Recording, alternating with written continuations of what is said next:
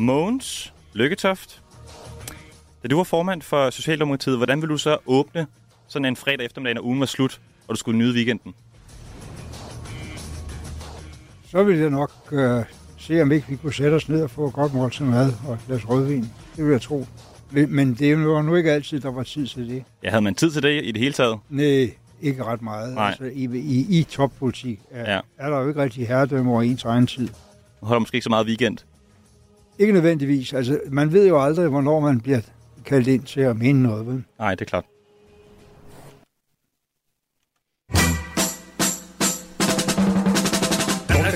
Jeg bange for, at du har ringet til 10 venner, der siger de værste ting, de kan huske om mig. Hvordan har du fundet ud på det? Og kæft, du har lavet noget syg research, altså. Åh, oh, det ved du vildt nok. Har du orienteret dig godt, hva'? Nej, hvad har du researchet syg? Hvad, sker der? Prøv lige at tage os med. Du har virkelig researchet her. Velkommen til fredagsmission. Nu er ugen ved at være forbi, og vi tæller så godt ned til, at herrens år 2023 også lakker mod enden. Du har tunet ind på fredagsmissionen. Et program, som har til fornemmeste opgave at sende dig rigtig godt på weekend med varme historier og anekdoter fra de aller, allerbedste fredagsgæster. Fredagsfyren og den sædvanlige vært, Anders Hagen, han ligger desværre syg derhjemme lige nu. Uh, han pralede ellers i forrige program, husker jeg det som, men han har undvedet alle uh, sæsonsygdommene som Neo in the Matrix-agtig stil. Uh, det kunne have været et lille julemirakel, hvis det havde fortsat på den måde, men nu har han altså lagt sig ned med noget sæsonsnu. Så derfor har jeg overtaget værtstjenesten i dag, men bare roligt. Det har jeg faktisk prøvet før, øh, så du kan trygt øh, blive hængende her på kanalen. Lidt senere skal du øh, faktisk høre de allerbedste historier fra året, der er gået her på fredagsmissionen. Det er jo sådan lidt en klassisk disciplin i Medie Danmark, det her med at kigge tilbage og spille highlights af året, der gak og så videre. Og det er vi heller ikke for fint til at gøre her på programmet. Men lige om lidt skal vi høre fra en af de mest magtfulde mennesker i dansk politiks historie. Han har haft adskillige ministerier i sin varetægt, været formand for Socialdemokratiet, og så har han skrevet en bog om verdenshistorien, da han var teenager. Og inden jeg med sådan for alvor god som vidtighed kan kalde det her endnu en vellykket udgave af fredagsmissionen, skal vi ringe til programmets exceptionelle brevkasseredaktør Knud Melgaard, som sidder klar til at svare på dine dilemmaer. Så hvis du har noget, du går og er i tvivl om, stort som småt, så sidder Knud klar til at hjælpe dig med det hele. Du kan sagtens nå at være med nu. Send dit dilemma ind til 1424. Det er sms'en, så er du med i øh, Knuds brevkasse. Jeg kan med andre ord godt love, det bliver et rasende hyggeligt og muligvis dit ugentlige radiofoniske højdepunkt. Mit navn er Anton Nørbæk. Velkommen indenfor.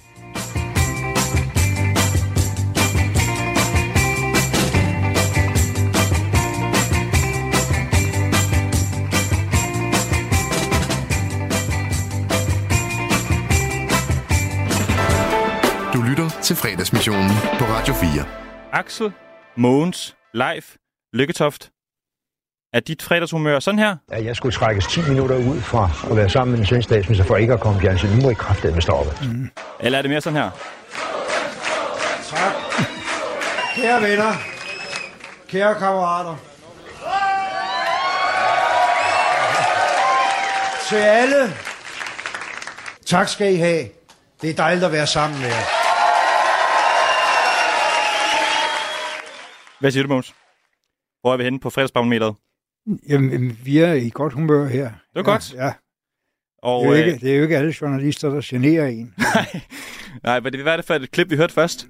Kan du huske det? Ja, det er fra valgkampen i 2005, hvor det lykkedes TV2 at opholde mig i flere minutter, med, øh, øh, uden at de i øvrigt bragte noget, mens den svenske statsminister var, var inde ved siden af. Det, det, var, det virkede nærmest som sabotage. Ja. Og hvad var det for et klip, vi hørte anden gang? Kan du huske det? Øh, nej, det kan jeg ikke helt huske. Øh, Det er fra, jeg tror, det er fra selv samme valgkamp, faktisk. Øh, Men lidt det senere. er i løbet af valgkampen. Ja, ja. ja. Men øh, vi skal faktisk have lidt at drikke. Øh, og øh, Måns, øh, du har bestilt, og jeg citerer, hvad du skrev i, øh, i mailen, bare et glas pilsnerøl, gerne fra Carlsberg eller Tuborg. Og nu kommer producerassistent øh, Nils ind med, med en, en god gammel sixpack Tuborg. Det er jo meget socialdemokratisk af dig at bestille sådan en. Hvorfor skal vi øh, drikke det? Fordi jeg kan godt lide en øl ved en festlig lejlighed, som det her forhåbentlig bliver. Ja, Øh, og jeg, jeg, jeg hørte, at I overvejede senere på dagen at drikke gløk. Det er egentlig ikke min, min favorite drik. Så hellere en bajer. og hellere en bajer. Ja, Skal vi øh, skåle? Du kan også vi lige hælde op i glasset først, måske. vi kan også, som man siger, tage den af etuiet. Lad os gøre det. Ja, Skål, Måns. Skål. Og glædelig weekend. I lige måde. Mm. Øh, nå. Øh, bruger du egentlig nogensinde Axel? Jeg hedder det slet ikke mere. Nej, Jeg ved godt, det står ude på, på en af de der tjenester, som du har kigget i. Ja. internettet. Men jeg har, jeg har slettet de to af fornavnene, fordi jeg synes, det var utroligt besværligt at have så mange. Okay. Ja. Så det bruger du aldrig, men der er ikke nogen, der kalder dig Axel længere? Det, nej, det hedder jeg ikke, fordi de er officielt slettet. Modtaget. Øhm, hvad plejer du egentlig at bruge sådan en fredag aften eftermiddag på? Det er meget forskelligt. Altså, der, der sker jo hele tiden noget. Altså, øh, jeg, har, jeg er jo ikke øh, gået helt bagud af dansen, selvom jeg bliver 78 i næste måned. Jeg har øh, heldigvis, vil jeg sige, øh, den store fornøjelse at være formand for en, en meget stor virksomhed, der hedder Energinet, som Mm. er statens selskab, der sender strøm og gas ud til folk.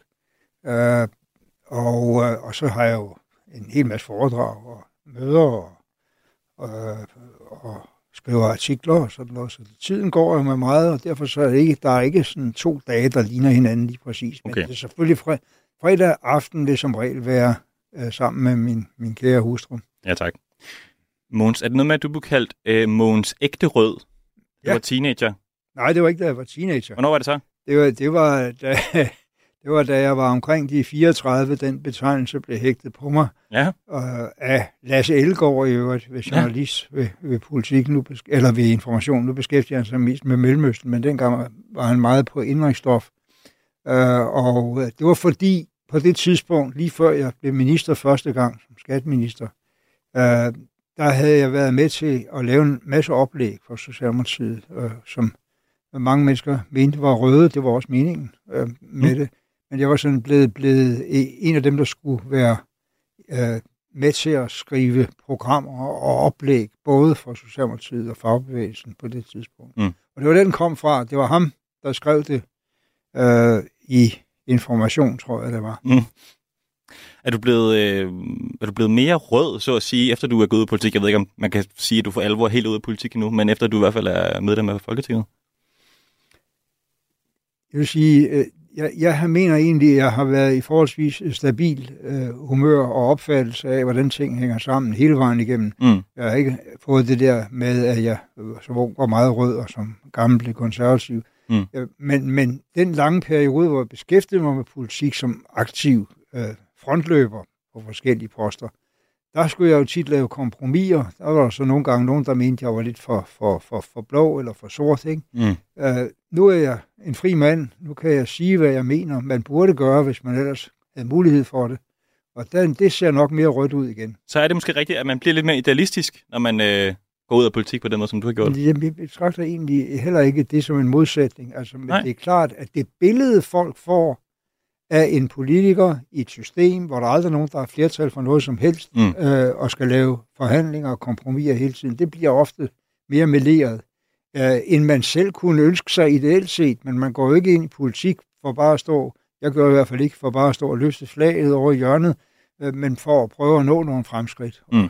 Og så leve med, at det ikke altid er fremskridt. Nogle gange er det to skridt frem, et tilbage. Nogle gange er det desværre ovenikøbet to tilbage. Ikke? Så idealisme og politisk ansvar er ikke nødvendigvis hinandens modsætninger. Det mener jeg ikke, det er. Nej. Det mener jeg heller ikke, det skal være. Altså, vi- jeg, man kan ikke lave ordentlige kompromiser, uden at vide, hvad retning man synes, det skal bevæge sig.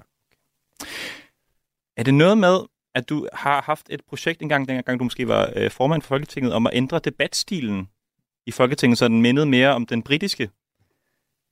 Ja, jeg havde, jeg havde den ambition, at vi skulle få en, en slags spørgetime til statsministeren, som, som var lidt mere fri i formen et folketingets normalt er af de der øh, korte minutter, øh, og, og med mulighed for, om ikke store tilråb, så i hvert fald sådan lidt mere uro i salen.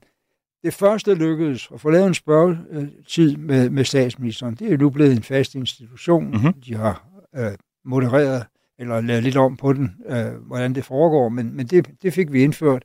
Men jeg synes ikke, de danske politikere er, er, er nært så sprud, sprudlende, Nej. som, som de britiske er. Øh, det, det kan godt være lidt ærgerligt, fordi det kunne måske også gøre øh, politikerne lidt mere menneskelige, hvis, ja. det, hvis det ikke bare var sådan efter en snor. Ja. Spørgsmål, svar, spørgsmål, svar. Der er jo en, en, en fri øh, tone i det øh, britiske underhus, ikke? Øh, Ja. Tror du, vi nogensinde når derhen? Nej, jeg tror ikke, det ligger, det ligger ikke på samme måde i temperamentet. Nej. Der er, også, der er måske også mere, af de der britiske politikere på godt og ondt, er jo meget uddannet øh, på dem af dem, der har været igennem de der eliteuniversiteter. Mm. Mm. De er jo simpelthen uddannet i at skulle debattere og stå inden for et hvilket som helst synspunkt, øh, afprøve det og se, om de kan vinde over den anden. Ikke? Mm. Øh, vi har en lidt anden tradition. Det er ikke det, vi har, har brugt vores ungdom så meget på i Danmark. Men hvorfor ville du ligesom, hvorfor ønskede du ligesom det for, for Folketinget, at, at vi, vi ændrede retning på den måde? Jeg synes, hvis det kunne blive lidt mere livligt, så kunne det også være, det, at øh, der blev mere interesse om det politiske liv, og, og, og det kunne måske også godt være, at der var folk, der så fik et bedre, et mere positivt indtryk af politikerne. Du lytter til fredagsmissionen på Radio 4. Det gør du. Jeg hedder Anton Nørbeck. Jeg har besøg af Mogens Lygtoft i studiet. Øhm, Mogens, du har jo haft en lidt turbulent start på livet. Kan man ikke godt sige det? Du nåede jo at have tre sæt forældre, inden du fyldte et år. Ja, Kan du ikke prøve at fortælle lidt om det? ja, det kan jeg jo ikke huske ret meget om. Nej, Det, det er jo efterfølgende øh, det er efterforskning. måske fair nok, du ikke kan huske det. Ja, ja, ja, men, men jeg kan faktisk ikke huske det. Men, men det er jo meget interessant at, at, at forske lidt i. At det er rigtigt, jeg adopteret øh, med det samme. Jeg blev født af en meget ung pige, der var, som man dengang mente var kommet i ulykke. Øh, og øh, så var den første adoption øh, en tragedie, ser det ud til, når man ser papirerne, fordi manden Mm. døde allerede efter sommeren, som jeg, jeg var kommet til i januar. Mm. Og så gav hun op, og så endte jeg der, hvor jeg endte hos familien Lykketoft, som jo er dem, jeg har har levet med og oplevet som, som mine forældre. Da du så var 10 år, øh, det var ligesom der, dine forældre, som du opfatter som dine forældre nu, de fortalte dig, at du var adopteret. Kan du huske, hvordan du reagerede på det? Hvordan, sådan, hvordan Jamen, tager man det som 10-årig? Jamen, det tænkte jeg da sådan lidt over, men jeg havde også den, den øh, op, øh, oplevelse, at det var ikke noget, de synes de ville snakke meget, meget mere om. Det skulle bare sådan en orienteringssag. Og det ville jeg da heller ikke genere dem med at, at, at spørge en masse mere ind til. Nej. Det var først meget senere i livet, jeg, jeg, sådan, jeg havde den der øh, idé om, at det kunne være interessant at få opklaret, Mm. hvad ens biologiske afstamning var. Mm. Øh, ikke sådan, at jeg har ikke noget som helst at klage over det liv, jeg har haft sammen med øh, min, min, øh, mine adopterende forældre. Mm. Overhovedet ikke. Mm. Øh, øh, jeg, jeg er blevet godt behandlet af livet på den måde, men det blev interessant, det der med at få en muligvis lidt bedre sansning af, øh, hvordan det der med miljø og arv øh, spiller med hinanden. Ja. I hvert fald for dig selv. Og så må jeg sige, at det har jeg måske ikke fået en hel masse mere erfaring med, men det er klart, der, der er der selvfølgelig nogle træk hos de biologiske forældre, som jeg så havde lejlighed til at møde efter. Ja, for det møder du lidt senere i dit liv, da du bliver teenager, er det ikke sådan? Nej, nej, nej, også igen meget senere. Meget nej, senere? nej, Okay, det var ikke, jeg alt- helt forkert det var ikke alt, der skete, da jeg var teenager. Nej, nej, Nej. nej, nej. Det, var da, det var da jeg var omkring de 40 faktisk. Okay, så Øh, først da. Ja, at jeg, jeg fandt frem til sådan ved det- detektivarbejde, Mhm. mm. øh, hvor de befandt sig, den ene befandt sig i Kanada, og var, var, var gift og havde fire andre børn derovre. Den anden befandt sig herude på Vestjylland og havde to andre børn. Så jeg var jeg er et ene barn med, med seks søskende, kan man sige. Så du har ligesom fået, altså har du ligesom haft en, for, en forbindelse, eller har du fået en relation til hele den her nye familie, som du... Jeg har mødt dem alle sammen, men, men, men øh, øh, øh, to af dem i Kanada og en af dem i Danmark er, er faktisk død i mellemtiden. Okay. Men, men, men, men resten har jeg øh, en gang imellem forbindelse med. Det er jo ikke sådan, at man, man, man øh, opsummerer et, et helt liv, Mm. øh, øh, fordi man, man, man træffer dem, man biologisk er Mm. i, for, øh, i forbindelse med. Men jeg havde forrige sommer en meget hyggelig rejse til Kanada, Ja. hvor jeg har en bror og, og en, en, en halvbror og en halvsøster tilbage, Ja. som, som jeg besøgte sammen med Mette, min kone, og, og øh, så i øvrigt havde en, en, øh, en strålende tur bagefter med nogle danske venner med tog tværs over Kanada. Dejligt. Ja, Og hvordan ligesom, når du får forbindelse til de her mennesker igen, og du, altså ved de, hvem du er? ja, ja jamen, vi har jo hilst på hinanden tidligere. Ja, Ja. okay. Har Hvordan reagerer de på, at, at du er Mogens Lykketoft, du er, har haft det liv, du har haft? Jamen, dem i Kanada har jo ikke nogen sådan særlig øh, øh, følelse omkring det. De synes, at det er meget interessant. Ja. Ikke? Men, men det er klart, i virkeligheden kan man sige, det har måske været mere, øh, hvad skal vi sige, blandet oplevelse for øh, de brødre, jeg har haft her, lige, at jeg lige pludselig dukkede op. Ja. Øh, fordi jeg var så meget eksponeret i, Ja. i fjernsyn og Ja.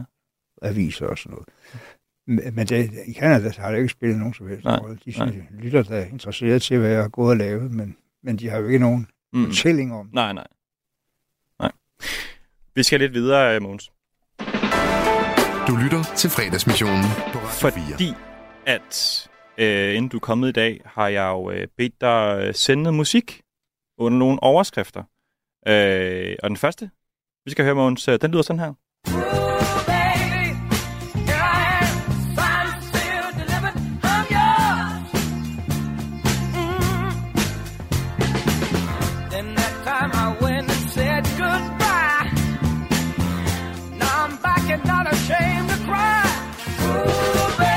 Hvad er det, vi hører, Mogens? Ja, det er jo uh, Signed, Sealed and Delivered, Sign Shield and Delivered. som er en sang, som altid får Mogens Lykketoft på dansegulvet. Det har den i hvert fald gjort mange gange. Ja. Ja, ja, ja, ja. Og uh, kunstneren har vi faktisk haft lejlighed til at møde. over Ej, er det rigtigt? I New York, ja. Fortæl om det. Jamen, øh, han, er jo, han er jo meget, meget, øh, skal vi sige, udadvendt også i, i, øh, i øh, FN-arbejde har Nå. været øh, taler, øh, er fortaler for bedre vilkår for de handicappede. Han er som bekendt blind. Ja. Øh, og, øh, og derfor øh, optrådte han på en session, jeg havde om, omkring de temaer, da jeg var formand for FN's generalforsamling. Okay. Og min hustru synes, det var den største oplevelse, hun havde. kan jeg godt forstå. Under det, ople- under det ophold i, i New York. Fantastisk. Vi, øh, vi nupper en mere. Er du sådan en, eller er du sådan en, der går meget på dansegulvet stadigvæk? Ja, ja det, hvis der er en lejlighed til det, det er der jo der er stadigvæk nogle gange, nogen der holder en fødselsdag eller noget, hvor man danser lidt, så går vi der ud og tripper lidt med. Åh, det er godt. Ja, Vi, benene, øh, benene virker endnu. Ja, det er godt. Vi øh, tager en med. Det næste nummer, vi skal høre, det er sådan en her. Træk en gammel sweater på, og lad farver skægge stå.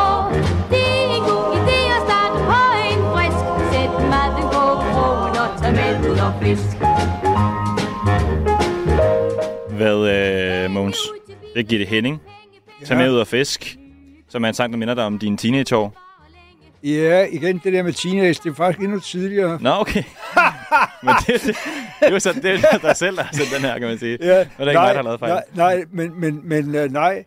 Uh, jeg var en lille smule på afstand fra elskede Gitte Henning, som gik i parallelklasse Nej. på Torvaldsenskolen. Nej, da, er det rigtigt? da jeg gik i 2., 3., 4., 5. klasse. For vildt. Ja, så, så, så det, det er så anledningen til, at hun bliver med i udsendelsen her. Og øh, hvordan ser Mogens Lykketoft ud? Øh, jeg ved, du siger, siger det endnu tidligere. Hvordan ser Mogens Lykketoft ud i sine teenageår?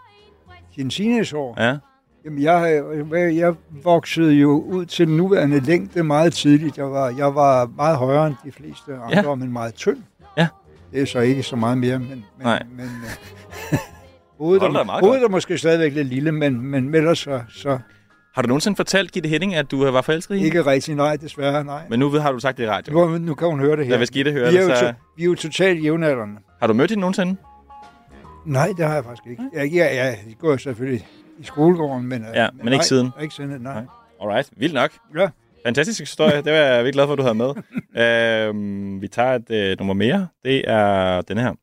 I dit korte liv er hver time dyr, hver sekund et dyrt sekund.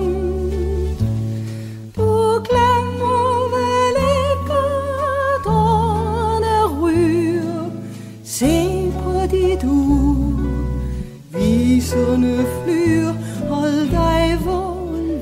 Jeg er ikke lige sikker på, hvem sangeren her er, men det er jo Paul Henningsen i dit korte liv, Ja, som er en sang, der, der rører dig. Som, ja, som oprindeligt var Liva Vel, der sang, Ja. ja. jeg ved. Ja. Øh, men øh, ja, den rører mig på teksten, ja også melodien selvfølgelig, men, men den rører mig på teksten, fordi den, den øh, er en appel om, at man skal nyde det her liv, man skal få noget ud af det her liv, Mm. og man ved ikke rigtig, om der er noget bagefter, der står et sted nede i teksten. Dem, der der giver dig veksler på noget bagefter. De giver veksler uden underskrift. Mm. Ja, det er fint. Det, og det, er jo, det tror jeg, det er sådan også min, min livsopfattelse. Ja. Så jeg havde tænkt, den skulle synges til min begravelse. Ja. Er det sådan noget med, at du går og planlægger og går og tænker Nej, over? nej, det har jeg nu ikke rigtig fået planlagt så meget ellers, men lige præcis den der øh, vil jeg gerne have med. Og det ved din pårørende det? Ja, ja, det ved jeg godt. Så, ellers så ved de det også nu. Ja, det ved jeg, ja. Ja, det er godt. Øh, vi skal have en mere. Det er... Øh, det er den Jeg tror, det var Ulla Henningsen, der sang den her Ja. version. Ja, det er øh, sikkert helt rigtigt. Ja. Den er næsten nummer i hvert fald. Så nu skal vi to sige godnat. Det er slut med dagens pjank og pjat. Mm, du skal sove nu. Læg dig stille, for du skal jo drømme de skønne grønne drømme. Det skal du. Om dyr og dukker. Det er klukket. Det her, det er jo øh, æret ved hans minde, Jesper Klein. Ja. Bamse, vi skal sove nu, som ingen ved, at øh, Mogens Lykketoft holder af. Jeg holdt meget af Jesper Klein. Ja. Som jeg synes var utrolig morsom. Klyderne, som han havde sammen med Thomas Jørgen og, og hvad hedder han, den tredje mand. Uh, det, har, det har altid væ- været en, en form for humor, Mm. som har tiltalt mig utrolig meget. Uh, og den der er jo bare meget sød, ikke sandt? Mm. Uh, Det er sådan en godnatvise. ja, det er jo Bamse Ja. over i fjernsynet, han synger for. ja. Ja. Har du øh, øh, brugt den selv til at synge godnat til dine børn? Eller børnebørn måske? Ja, det, ja det, det, det har jeg. Det Ja. har jeg. Det har jeg. Det har jeg. Du lytter til fredagsmissionen på Radio 4. Mogens, øh, nu skal vi ud i en klassisk fredagsmissionsdisciplin, og det hedder enten eller. Hvem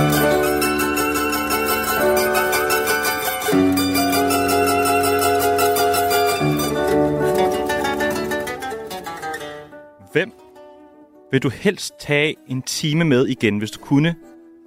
Donald Rumsfeld eller Yasser Arafat? Jeg er ikke spurgt i tvivl om, at jeg helst ville tale med Yasser Arafat.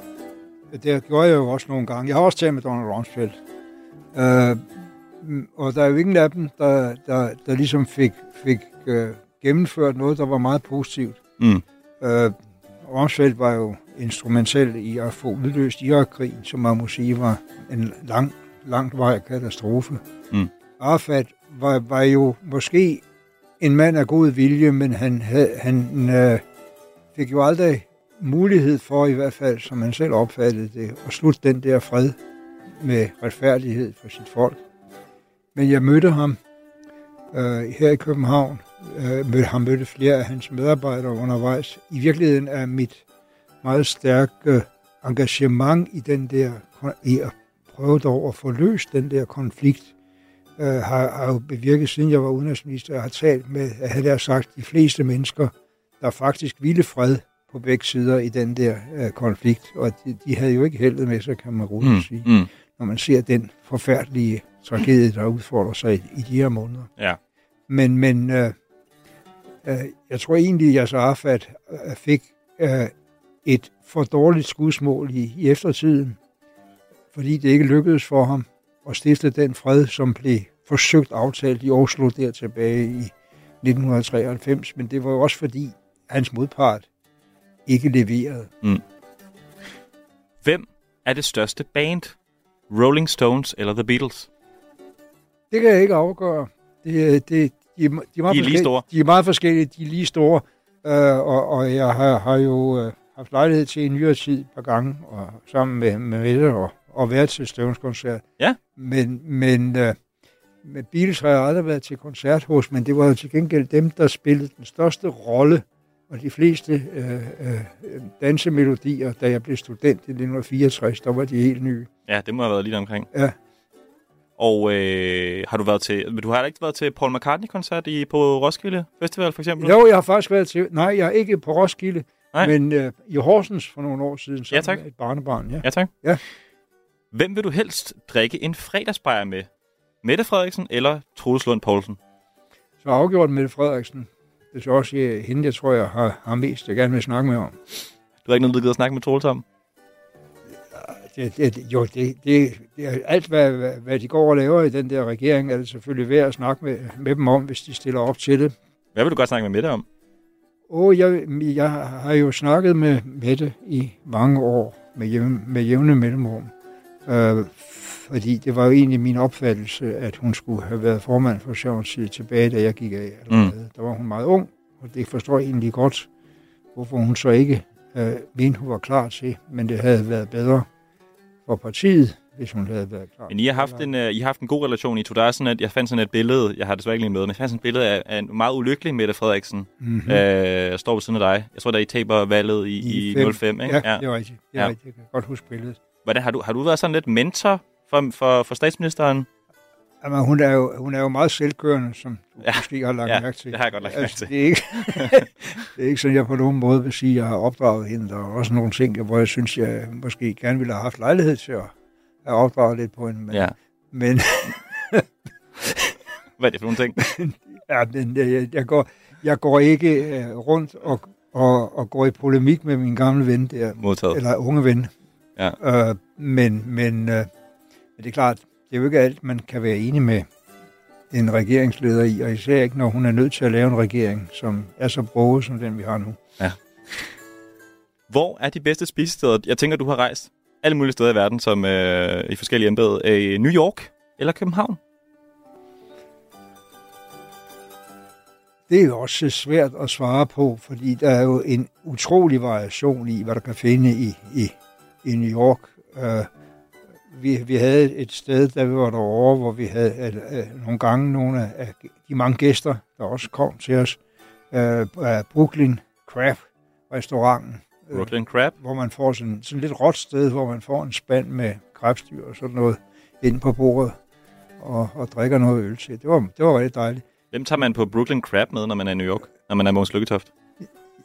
Ja, nogle af vores venner, men, men også det der øh, hold, der kom fra, fra øh, hvad hedder de, øh, na, na, na, øh,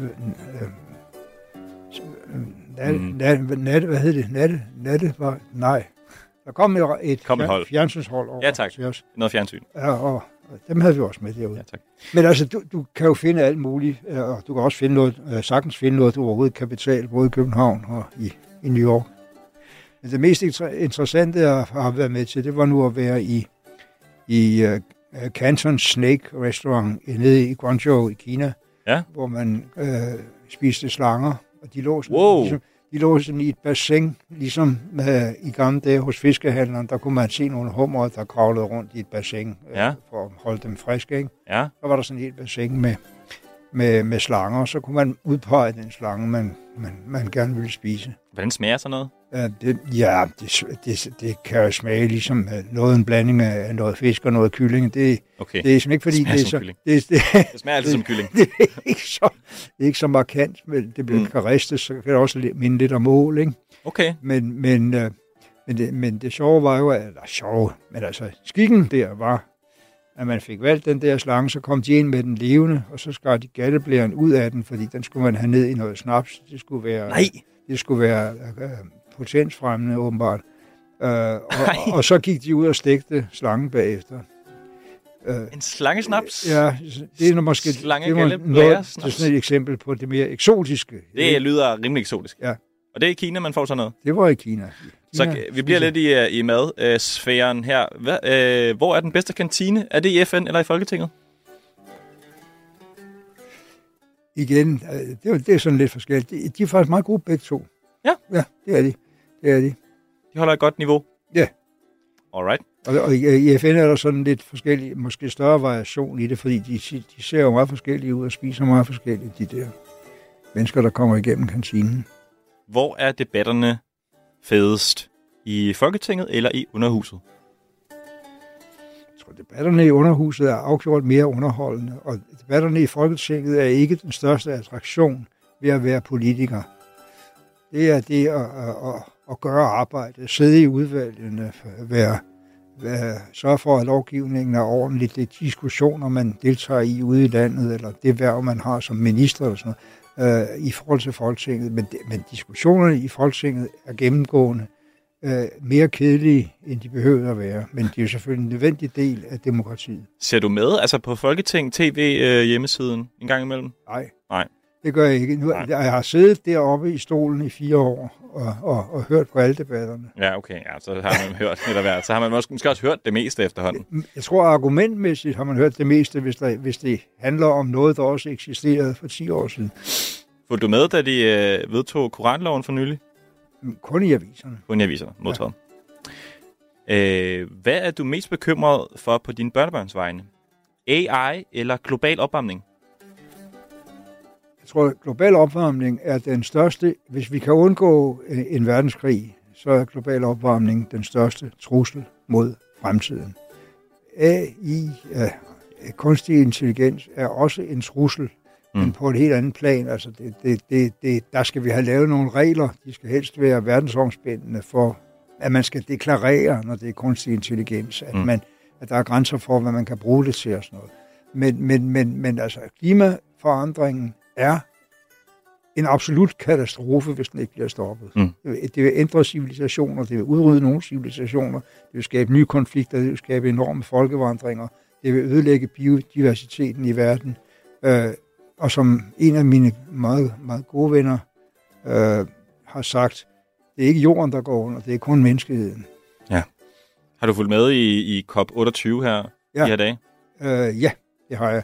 Jeg så godt jeg kunne. Jeg, jeg har deltaget i, i, i, i nogle af de andre, men jeg var ikke der, dernede nu her. Ja. Men det var jo, det tegnede jo øh, meget bekymrende med det der vældige, vældige opbud af øh, olielobbyister. I, det er jo ikke så Ja. mærkeligt, når man vælger at holde mødet i Emiraterne. Nej. men, men, men, de, men de prøvede jo virkelig at skrue øh, debatten baglæns. Det lykkedes ikke helt. Mm, Og heldigvis er vi ikke ensidigt afhængige af, om emiraterne og saudierne har forstået det her nødvendigheden af at afvikle deres mm. indtægtskilde. Øh, Det afgørende er, om USA, Europa og Kina bevæger sig i den rigtige vej. Hvad er dit største nederlag i din karriere? Da du og Per Stig Møller beholdt sammen i 1960 i radioprogrammet Kvikker Hoveder røg ud, Kvikke Hoveder, undskyld, røg ud i øh, første runde, eller da din øh, verdenshistoriebog på 250 sider, du skrev øh, som teenager, ikke udkom? Det er kun de to nederlag, jeg skal vælge mellem. Ja, lige mellem, mellem de to. det, det, det sidste havde jeg slet ikke forestillet mig. Det var sådan en, en på grund af min store interesse i, i uh, international politik, som i virkeligheden har været noget af det, det mest afgørende, selvom jeg har beskæftiget mig politisk mest med, med skat og finanser. Men, Ja. men, men, men, men det var sådan et forsøg på, øh, Øh, så må sige, lidt, lidt øh, overspændt måske, og lidt nørdet, og videreføre Grimbergs verdenshistorie, så vi fik tiden fra 1945 til 1960 med. Øh, og det var sådan en stor skri- øh, skriveøvelse for mig, øh, som jeg, jeg lavede for min egen skyld, øh, fordi det gjorde, at jeg skulle læse en hel masse, som jeg gerne ville læse, og så kunne jeg lige så godt skrive om det. Og, og som min daværende historielærer, øh, Jakob Abel, som jeg holdt meget af, øh, han sagde, det var udmærket det der, og, og du skal ikke... Øh, du skal ikke studere historie på universitetet. Det ved du nok om. Du skal finde på noget andet. Det er jo helt vildt. At også, altså Elene, jeg kan sige, jeg fortæller dig, øh, Mogens, der er ingen øh, teenager, som skriver øh, historier, eller skriver bøger om verdenshistorien i dag. Nej, nej, nej, men det er... Hvorfor, har- hvorfor hvad, hvordan kan det være, at du ligesom havde den fikse idé? Jamen, ja, men altså, jeg, jeg læste jo øh, allerede fra jeg var en halsnæs år rigtig meget om, om, om historie og om international politik, som den nu udfolder sig i aviserne og sådan noget, og, og, og mente en hel masse om det, og, og gik rundt og til FN's kontor her i byen og fik materiale og sådan noget der. Mm. Så det, det var alt sammen øh, en, en del af ligesom at, at vise, at man kunne få hold på, hvad der var foregået. Øh, mærkelig, øh, skæv teenage-ambition, men det, men det havde jeg altså. Jeg synes, det er ret sejt. Hvem kunne have øh, slået Anders Fogh i en valgkamp, hvis de havde fået en chance mere? Dig eller Helle Thorning? Jeg, jeg kan sige, at det, det havde jo, det havde jo øh, ikke været muligt for, der var, øh, for Helle Thorning at prøve det, fordi der var han jo øh, forsvundet ud i, ja. i den store verden. Jeg ved ikke, om jeg kunne have slået ham, hvis jeg havde holdt ud en gang til, men, men, men, men, men det orkede jeg faktisk ikke at prøve på. Jeg håbede jo også, at han forsvandt, inden der skulle være valg næste gang, hvad der stort set kom til at passe. Ej, det var, der gik lige et, et valg til, men det var Ja. kun, kun øh, fire år senere, at han faktisk øh, drog ud i verden. Ja. Jeg har altid været mere ked af, at han fortsatte, end at jeg tabte. Altså, det, Ja. det lyder mærkeligt, men, men øh, egentlig har jeg jo været fuldstændig klar over, hvor opslidende det er at, at være statsminister. Jeg har prøvet, hvor, hvor, hvor arbejdskrævende det også er at være finansminister i otte år. Så, Ja. så, så, så det var noget, jeg gjorde, fordi jeg skulle prøve at se, om jeg kunne gøre det, og fordi jeg mente, jeg kunne gøre en forskel, hvis jeg først kom ind i det. Men, men det var ikke sådan, at, at, at det er ikke sådan, at det har hervet resten af min tilværelse, at jeg ikke blev statsminister. Hvad, undskyld, hvilket ministerium har været sværest at passe? Udenrigsministeriet, Finansministeriet eller Skatteministeriet?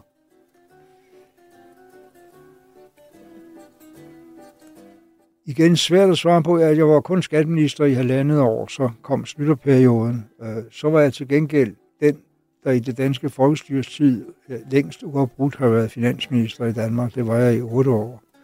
Og det er klart, det, det var øh, meget arbejdskrævende, utrolig mange møder, aldrig kontrol over sin, sin arbejdsdag osv. Men, men det var også der, jeg havde mulighed for at gøre en, en, en virkelig forskel ved at få lavet en politik, der fik folk i arbejde. Og det, det, var, det, var, det var i sig selv en stor belønning. Mm. Udenrigsminister, det kunne jeg godt tænke mig at have været længere tid. Mm. Nu fik jeg heldigvis øh, mulighed for at, at bruge min interesse på det som formand for FN's generalforsamling sidenhen. Og det Mm. var mindst lige så spændende som at være udenrigsminister i Danmark. Men, men, men, men det kunne jeg godt have, have tænkt mig meget mere om, fordi det er stadigvæk, også når jeg ser på, hvad jeg bruger tid på i dag, så Mm. mm. er det at holde mig orienteret om, om det internationale. Hvad har betydet mest for dig, da du købte Villa Kongsbo på Endelave? Eller da du skrev den øh, førnævnte bog om verdenshistorien? Villa Kongsbro på Endelave, som jo er et fritidskollektiv for en halvsnits familier. Øh, to huse, 4,5 øh, hektar skov og ned til vand og sådan noget, har været en fuldstændig de, øh, definerende ramme omkring øh, efterhånden tre generationers liv i min familie. Startede dit venskab med Paul Nyrup på Endelave? Kan det Ja, passe? det startede endnu tidligere. Okay. Vi, vi, vi var sammen i Frit Forum, vi var sammen som studenter i det, der nu hedder AI-rådet, det Arbejderbevægelsens Erhvervsråd. Mm. Øh, men, men vi var også sammen om at stifte det der øh, øh, fritidskollektiv. Øh, og det har, øh, altså mine, øh, mine børn, og nu mine børnebørn, som er mellem 17 og, og, og øh, hvad bliver det til, 26, Mm. de, øh, de er alle sammen øh, levet med det næsten deres hele liv. Min, min ældste datter var, var tre år, da vi købte det. Har du været på kaninjagt derovre? Jeg har også været... Nej, jeg, jeg skyder jo ikke, men, men, øh, men man kan næsten ikke undgå at falde over kaniner. Nej, der er jo kaniner overalt. Jeg har også selv været der. Det er en været der? Ja. dejlig, dejlig ø. Ja, det er en meget, meget dejlig ø, og vi ligger sådan helt for os selv ude øh, i, øh, på Østkysten. Er du med i den øh, forening, der hedder Gammel Nok derovre så måske endda? Nej, jeg er nu ikke medlem af nogle foreninger derovre, jeg har godt nok hørt om dem, men Det, jeg, kan, jeg kan anbefale at have været med en gang til Ja. en dejlig øh, øh, frokostordning. Det var Ja, et ja. skønt arrangement. ja, ja, men det er, det er, der er, foregår meget socialt liv på den lille ø også. Hvad har gjort dig mest upopulær? At du blev anholdt på strøget i forbindelse med, at du samlede penge ind til Vietnambevægelsen? Eller da du foreslog dansk udmeldelse af NATO på Socialdemokratiets kongres i 1969? Jeg ved som ikke, om jeg er blevet upopulær på nogle af delene. Altså, jeg tror, at utrolig mange af dem, der fulgte med i Vietnamkrigen, øh, var ligesom jeg overbevist om, at det var en katastrofal fejltagelse fra amerikansk side, som Mm. kostede utrolig mange mennesker livet, og var en helt unødvendig krig, når man ser på Vietnam i dag.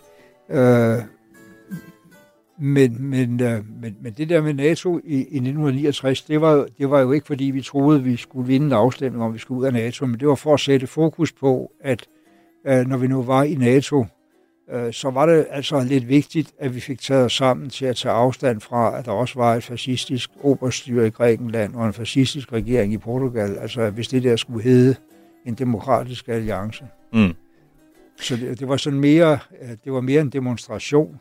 det tror jeg også Men- Krav, som var formand for partiet dengang, forstod. Men du blev anholdt, Øh, ikke for det, men, altså, men for, for, for, for at samle penge ind i, i på strøget. Jeg blev, vi, blev, vi var en helt flok, der blev anholdt for ulovlig indsamling. Og vi var vel, Hvad skete der så? Kom vi var, ligesom i vel, arresten vi, var, og sådan noget? vi var vel øh, i resten i nogle timer, jeg husker ikke hvor mange, ikke, ikke ret mange, Okay. tre-fire timer, Okay. øh, og blev kropsvisiteret og alt muligt, og så blev der rejst sag mod os for ulovlig indsamling. Okay. ved Københavns Byret. Og vi fik, øh, der var et par af os, der fik en, en bøde på, jeg tror det var 200 kroner. Det var jo selvfølgelig en anden tid. Det var en anden side af det, det var, det var mange penge dengang. Det var ikke det er klart. Hvem har det bedste skæg? Eller havde det bedste skæg? Er Ole Birk Olsen eller Uffe Ellemann? afgjort Uffe Ellemann. Han havde også det, langt, det, langt det bedste øh, fjes og langt den bedste humor. Der er jo ikke så mange politikere, altså, som har skæg, faktisk. Altså, du har jo øh, haft øh, rocket geden øh, Ja, ja. i en årrække, som Ja, har været ja, omtalt af flere omgange. Men der er ikke så mange ellers, som har eller havde skæg. Hvordan kan det være, tror du? Det ved jeg som ikke. Jamen, jeg, øh, der er jo fremtrædende folk, der har haft det. Anker havde jo i, i perioder Mm. mm. øh, skæg. Øh, men, men det ved jeg som ikke, hvorfor de har eller ikke har. Jeg, jeg, jeg, havde, jeg, jeg havde jo lidt, øh, øh, måske oprindeligt, fordi øh, mange har jo ment, at det var fordi, jeg, jeg skulle ligne Trotsky eller et eller andet øh, revolutionært forbillede. Ja. Men det var nu mere, fordi jeg synes, mit, mit hoved var for lille. Så det, er sådan, det var ligesom måske sådan en intimideringstaktik, at gøre dit ansigt større, så dine politiske modstandere kunne øh, Ja, så, kunne- ja. have, have Så- at tage at føle på. var det selvfølgelig også lidt mere dystert dengang, men altså det var, håret var sådan lidt Ja. ja. mørkt, og Ja. ja. skægget var lidt mørkt. Ja, det ser lidt, det er sådan lidt skurkeagtigt ud, ja, Ja, jeg, det er- jeg har set på jeg har- billederne. Jeg har også hørt mange vidigheder over. Og, og det er noget med, at, at, Mette Frederiksen jo har spurgt, jeg, jeg ved ikke, om du kan huske det her, men Mette Frederiksen har spurgt dengang, om du kopierede hendes fars skæg, Flemming Frederiksen. Jo, det kan jeg godt huske. Ja. han spurgte, ja. ja men det, var, det var nu heller ikke ham, fordi jeg tror, jeg havde det, før jeg mødte ham. modtaget. Ja. Og kan det passe, at det her skæg faktisk også engang har scoret dig sådan et, et, job som julemand i Folketinget? Nej, der skulle, 2003. Jeg, der skulle jeg have... Jeg har været julemand i Folketinget, så juletræsfest, ja. Men, men der skulle jeg altså have sådan... Og så havde du skæg maske udover? på, så, Okay. og, og, der var skægget så blevet hvidt i mellemtiden. Ja. Hvornår var du mest presset, da du blev udsat for en practical joke i underholdningsprogrammet Rent Fup, hvor du blev låst inde, imens en journalist imit- imiterede dig og svarede på spørgsmål på dine vegne, eller da du skulle sidestille et besøg fra den svenske statsminister i adskillige minutter, fordi TV2 ville have dig gennem live til et indslag, som gik i vasken?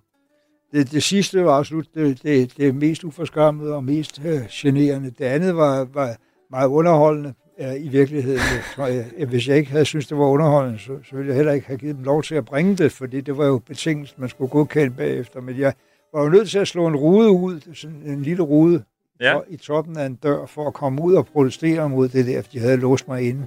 Det var meget morsomt alt sammen. Altså, Men det lyder da helt vildt stressende. Det, det, blev, det er ja, nej, men det, det var sådan set ikke stressende, men det, man, man havde jo en vis utålmodighed, ikke sandt? Og da de Klart. ville lukke op, så var jeg jo nødt til lige at, at balle en rude, komme Klart. ud og protestere. Klart. Og så grinede vi alle sammen meget hjerteligt af det bagefter. Aller sidste her, øh, hvad glæder du dig mest til, jul eller nytår? Jeg, glæder mig meget til jul, øh, ikke fordi jeg sådan er, øh, skal være julemand i år, men, men fordi det er jo en lejlighed til at samle den der efterhånden ret store familie og, Ja. ja. og kærester og ægtefæller og så videre. Ja, tak. Måns, det var en lidt længere, men et dog øh, virkelig hyggelig omgang af enten eller. Tak skal du have.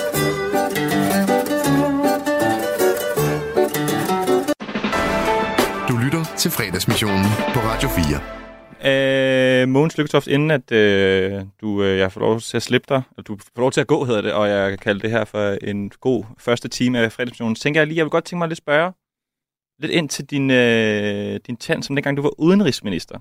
Fordi altså, hvis man kigger ud på, på, på det danske arbejdsmarked, altså så for mig personligt, så ligger altså, så titlen som udenrigsminister ret højt på listen over de absolut sejeste erhverv, man overhovedet kan have.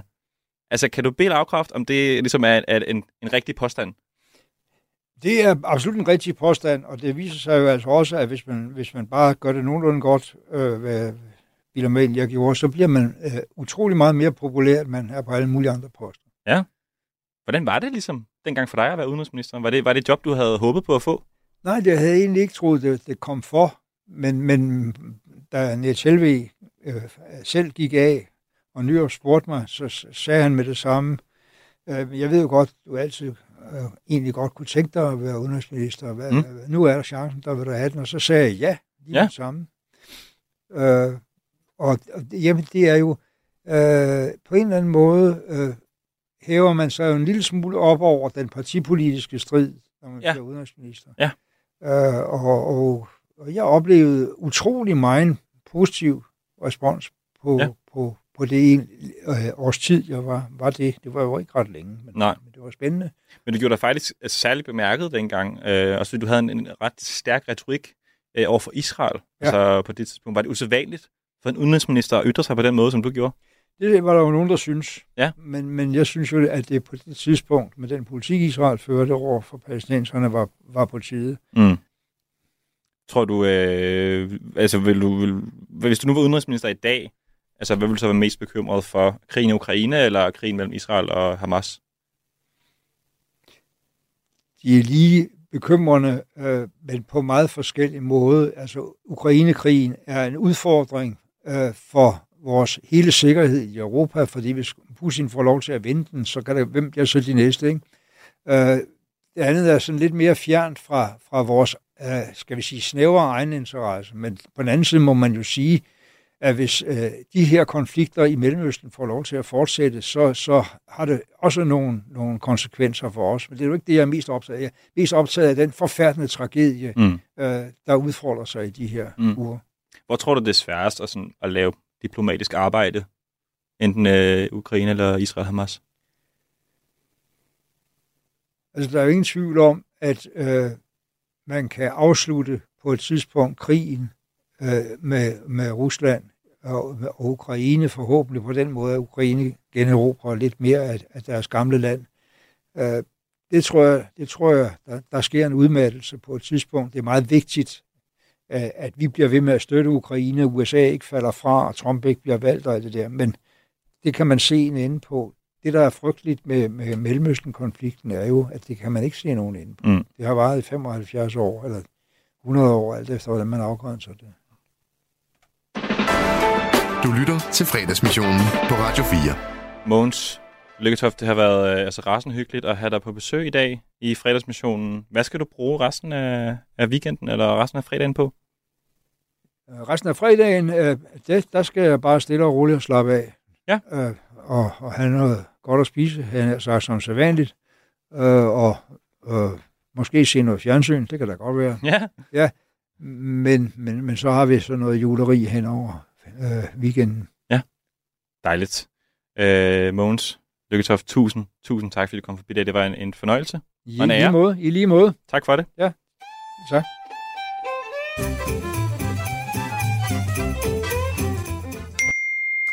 Linnea har startet en live video. Hej guys, og velkommen til min live video her på Instagram. Jeg er Linnea, og jeg er stadig right. Det er virkelig nu her i december, at dagene bliver kortere og kortere. Og ved I hvad? Det minder mig om, det minder mig om, at livet også for hver dag bliver kortere og kortere. Jeg har faktisk fået en helt åbenbaring. Altså, jeg, jeg kan virkelig se det nu. Altså, det, det handler om at få noget ud af livet, mens vi er her. Det handler om at være i nuet. Det handler om at være nærværende. Opleve livet, mens vi har det. Jeg ville så hjertens gerne blive bedre til at leve i nuet, hvis det ikke var fordi, det var så fucking kedeligt at gøre. At leve i nuet, det er jo altså gab. Altså det er det eneste, jeg kan sige. Jeg prøvede i går at være i nuet, og så gå en tur uden at have min telefon med. Og jeg fortrød hvert evigt eneste sekund af den tur. Kæft, jeg kedede mig. For hvert eneste skridt, så forbandede jeg mig selv for, at jeg var gået ud af min lejlighed uden min telefon. I skal tænke på, at jeg plejer jo både at lytte til musik og podcast, og ringe til min mor og bagtale andre familiemedlemmer samtidigt. Og når jeg så ikke har flere afsnit af de podcast, jeg lytter til, så er jeg begyndt at lytte til The Crown på Netflix, mens jeg laver andet. Altså bare have telefonen i lommen, og så bare lytte. Altså tv-serien The Crown. Jeg behøver ikke at se, hvad der sker på skærmen, altså, for jeg har jo set, jeg har set den mange gange. Jeg lytter bare. Jeg ved virkelig ikke, hvad jeg tænkte på der. Eller jo, det ved jeg godt. Det er fordi, jeg har haft det på min to-do-liste længe, at jeg gerne ville prøve at være i nuet. Men fandme altså, hvis der var nogen, der havde fortalt mig, at det var så kedeligt, så havde jeg jo selvfølgelig taget min telefon med. Nå, God weekend, og uh, you only live once, og husk at like og dele. Hej hej!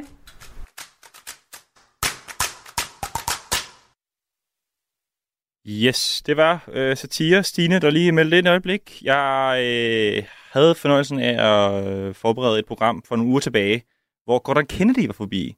Øh, det var en dejlig, dejlig udsendelse, og øh, han havde et ret fænomenalt stykke musik med, som jeg har hørt helt vildt mange gange siden. Jeg synes, den er meget, meget fredagsagtig. Og det er Al Jarreau, og den hedder Roof Garden. Jeg tænker lige, at vi nupper den her. Inden nyhederne.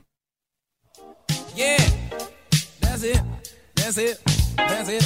Two to two, four, two, get it, get it, that's it, that's it, that's it, baby.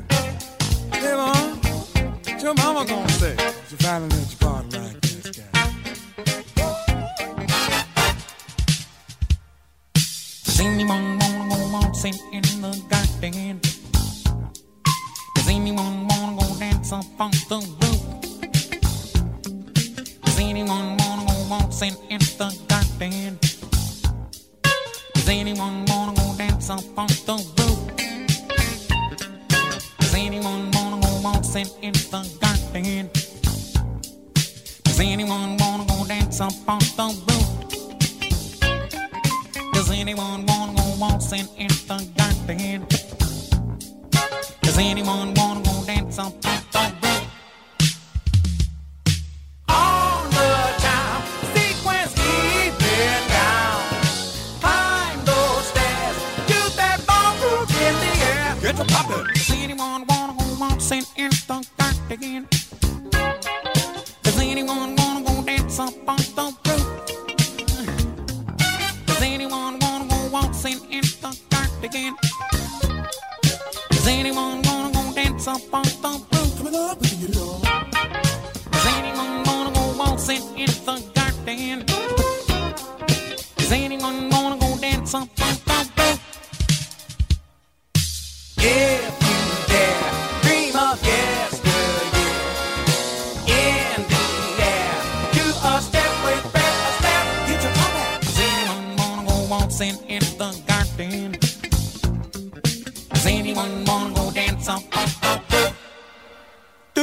I don't, So the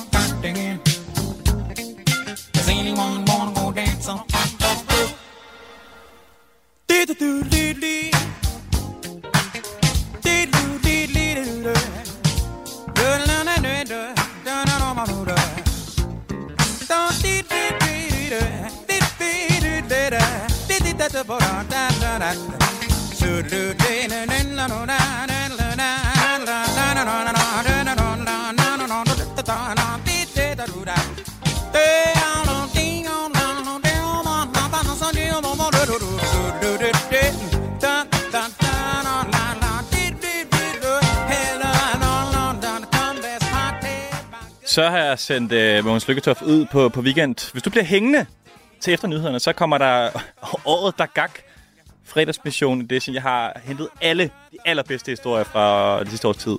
Øh, det er lige om lidt. Nu er der nyheder.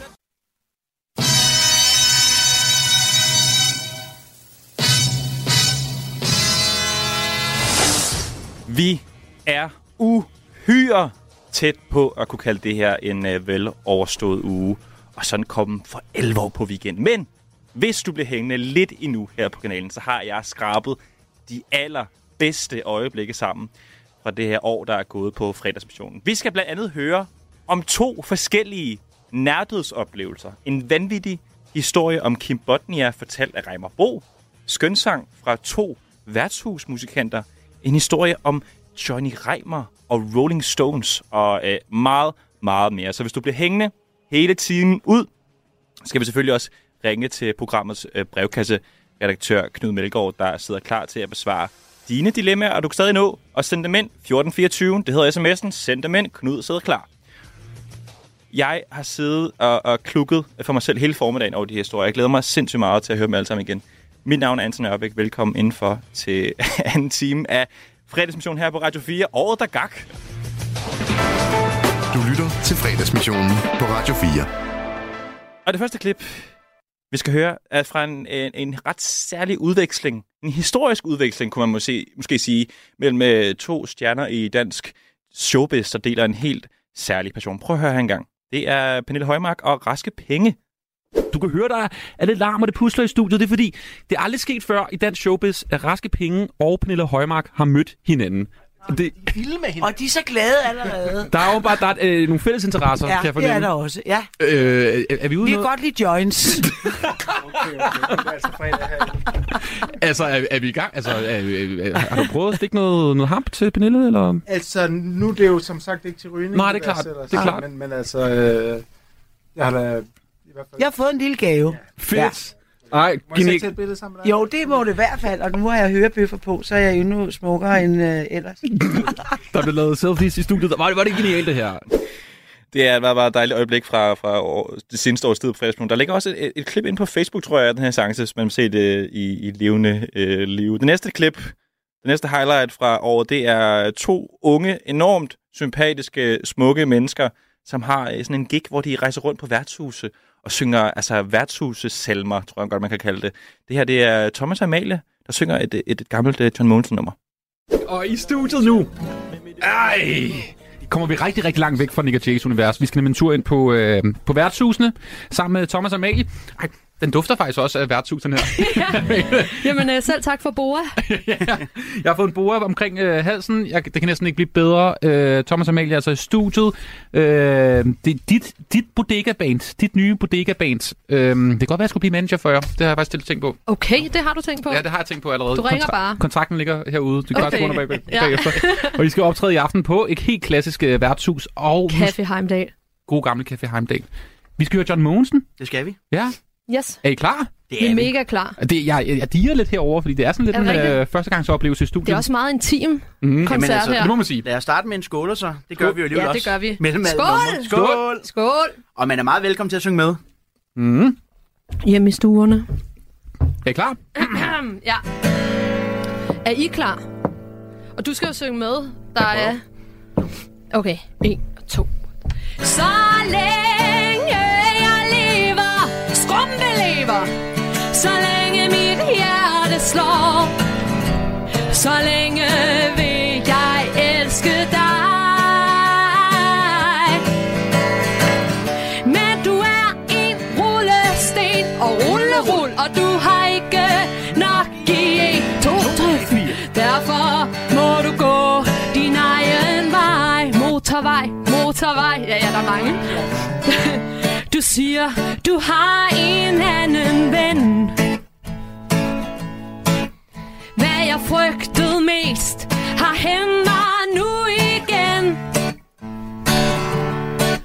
At du fortæller ligesom sidst. At jeg er min store kærlighed. At du er selvfølgelig der. Okay, min blomst. Behold ham blot i fred. Er du klar? Og en og to og tre unbeliever.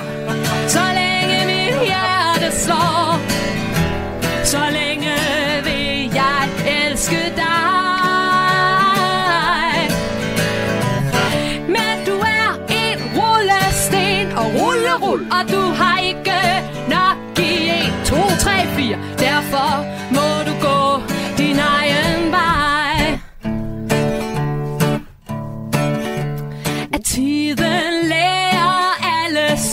Så, Thomas. Gør det ikke.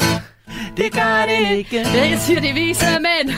Jeg håber, de forstår. Det gør de ikke. Yes. Det gør de ikke. Hvad de taler om Jeg tror det er næppe Simpelthen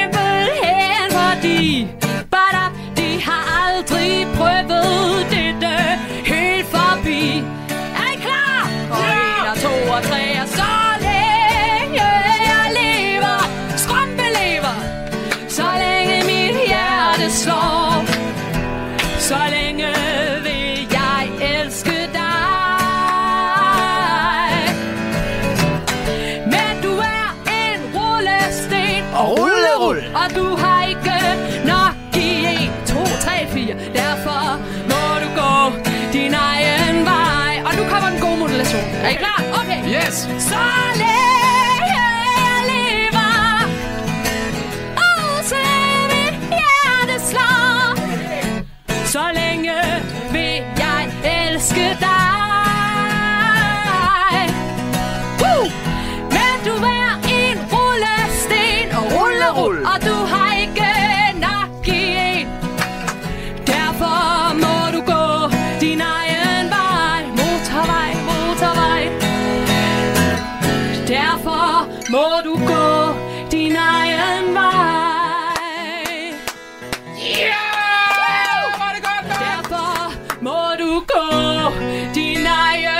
der en Thomas Amalie slutning.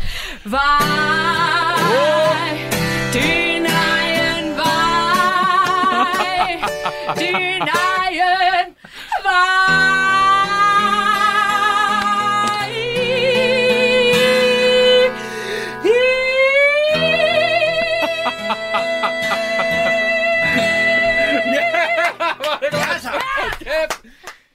Det var Thomas og Amalie, der sang øh, et meget, meget øh, smukt og meget intenst cover af John Mogensen her. Øhm, skøn, skøn øh, klip. Jeg smiler over hele grøden.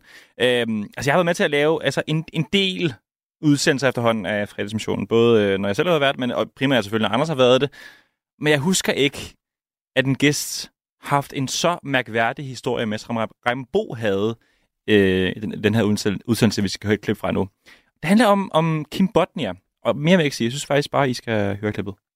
Reimer Bo, tiden går. Klokken ja. slår. Vi skal snart ud i, i påsken, men før vi når så langt, Reimer, så øh, har jeg jo bedt dig at tage en lille historie med fra de varme lande, eller de kolde lande, som eksempelvis øh, Nordøst Grønland. Men vi skal tilbage til en af de mange interviews, du har lavet med alle mulige forskellige store danskere.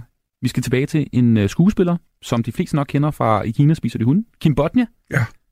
Hvad er det, der sker med dig og Kim Jamen, jeg lavede en serie med, øh, med, med det, man kalder kendte danskere, hvor jeg interviewede øh, Tommy Kent, Bille August, Poul Nyrup, Thomas Bo Larsen, Ole Borndal. Og øh, så skulle jeg møde Kim. Alle de andre der interviewede vi hjemme hos dem. For det var ligesom en del af sådan en samtale, der handlede om livet og døden og det, der ligger midt imellem. Men han ville sgu ikke have os hjem. Så vi fandt bare et sted hos en af kollegerne, hvor han kunne være. Og vi stiller det hele op. Og han kommer ikke. Og så ringer det jo gennem hans far, man skulle. Så ringer hvad, hvad blev han af? Jamen, var det ikke i morgen? Nej, det var det fandme ikke. Nå, jamen, vi henter ham, han er ude at sejle, jamen, vi henter ham. Og så kommer han så. Og så kommer han jo ind og ser, at det hele er sat op. Øh, lys, alt er tjekket af, for to fotografer, lyd og så videre. Og så er han jo bagud på point. Og så siger han, øh, ved du godt, jeg laver en film på, øh, på filmværkstedet? Nej, vil du se den? Ja. Så gik vi ind i et fuldstændig mørkt soveværelse. Han sagde, der skal være mørkt, så kan du bedst se den. Og så klapper han en skærm op, og så viser han en film, hvor Kim Botnia spiller hovedrollen. Han kommer ind i en lejlighed, går lidt rundt, og så går han ind på toilettet, og så sidder han og onanerer i, i fem minutter, mens vi sidder ved siden af hinanden i en seng. Nej, et overgreb det her jo. Ja, det synes jeg så ikke, men, men det var jo bare... Og så da han var færdig med det der, så klappede han skærmen sammen og sagde, så er jeg klar. What? Og det er jo den tydeligste markering i alle interviews, også spørgsmål mellem dig og mig og de mails, der er kørt, de handler jo om at positionere sig. Og den der interviewer skal jo sørge for, at den gæst, man har, føler sig ovenpå. Og det, det var Kim jo ikke, fordi han var kommet for sent, og det, alt det der, og det var ikke hos ham og så videre. Men den tog han lige sådan. Og, og derefter leverede han alt. Alt, hvad jeg havde lyst til, alt, hvad jeg gerne vil vide noget om. Men jeg skulle igennem den der underlig. Hvad, sag, hvad, hvad, hvad, hvad siger du til ham, mens du ser ham onanere på den her? Så siger jeg, det er fandme en stærk film. Skal der klippes, skal der klippes i det der? Så siger han, nej, det skal der ikke. Og jeg tænker, jeg skal ikke udtale mig om det. Jeg ved ikke, hvor, jeg ved om den film nogensinde er blevet, blevet vist. Nok. Måske Hawaii Bio, jeg ved det ikke. Ej, jeg, jeg, oh, wow, okay. Ja. Det ligger inde på YouTube, ikke den film, men uh, interviewet med uh, Kim Bodnia, Ja. som du lavede, Reimer Bo. Ja, øh, han, for er, nogle... en- han er en meget, meget fin fyr. Og jeg møder ham øh, jævnligt rundt omkring, og han er så skide sød. Øh, også over for mine børn og sådan noget. Han er sådan en rigtig god mand. Sådan en rigtig god mand, der viser øh, film, hvor han sidder nær. Øh, Kim Bodnia, hvis du lytter med, øh, må det her ikke bare være en åben invitation til at komme ind i, i fredagsmissionen og fortælle den her øh, historie fra dit perspektiv? Øh, vi har masser af tid, øh, 2024, du øh, ringer bare. Da Anders havde besøg af Charlotte Birkov, øh, som er kendt for de her hjemmetræningsvideoer på VHS-bånd, øh, her i Radio 4's åbne fredagsbar, der kom hun ind på en anekdote, som jeg er ret sikker på havde skabt øh, rimelig meget på styr i dag. Prøv at høre en gang. Tivoli-revyen eller Cirkusrevyen på Dyrehavsbakken? Jamen, Tivoli-revyen selvfølgelig. Fordi det var det, jeg var med i. Det er klart. Har du, øh, du fortalte, du havde set Dansegarderoben. Ja, var det, var det sådan, da du nu fortæller lidt om Claus Pag og hvad du oplevede Ja, der? ja, ja. Altså, jeg har jo den skønneste historie med Claus Bag, fordi, øhm, og han ved godt, at jeg fortæller den. Jeg har også fortalt den mange gange, når jeg holder foredrag. Øhm, og det var den første dag, hvor jeg kommer ned i garderoben her øh, i Tivoli-revyen, ikke? og sidder der og er mega spændt og skal møde alle de her skuespillere og sådan noget. Jeg følte mig jo virkelig, altså jeg følte mig imponeret og følte mig virkelig, virkelig beæret over at skulle være med i det her.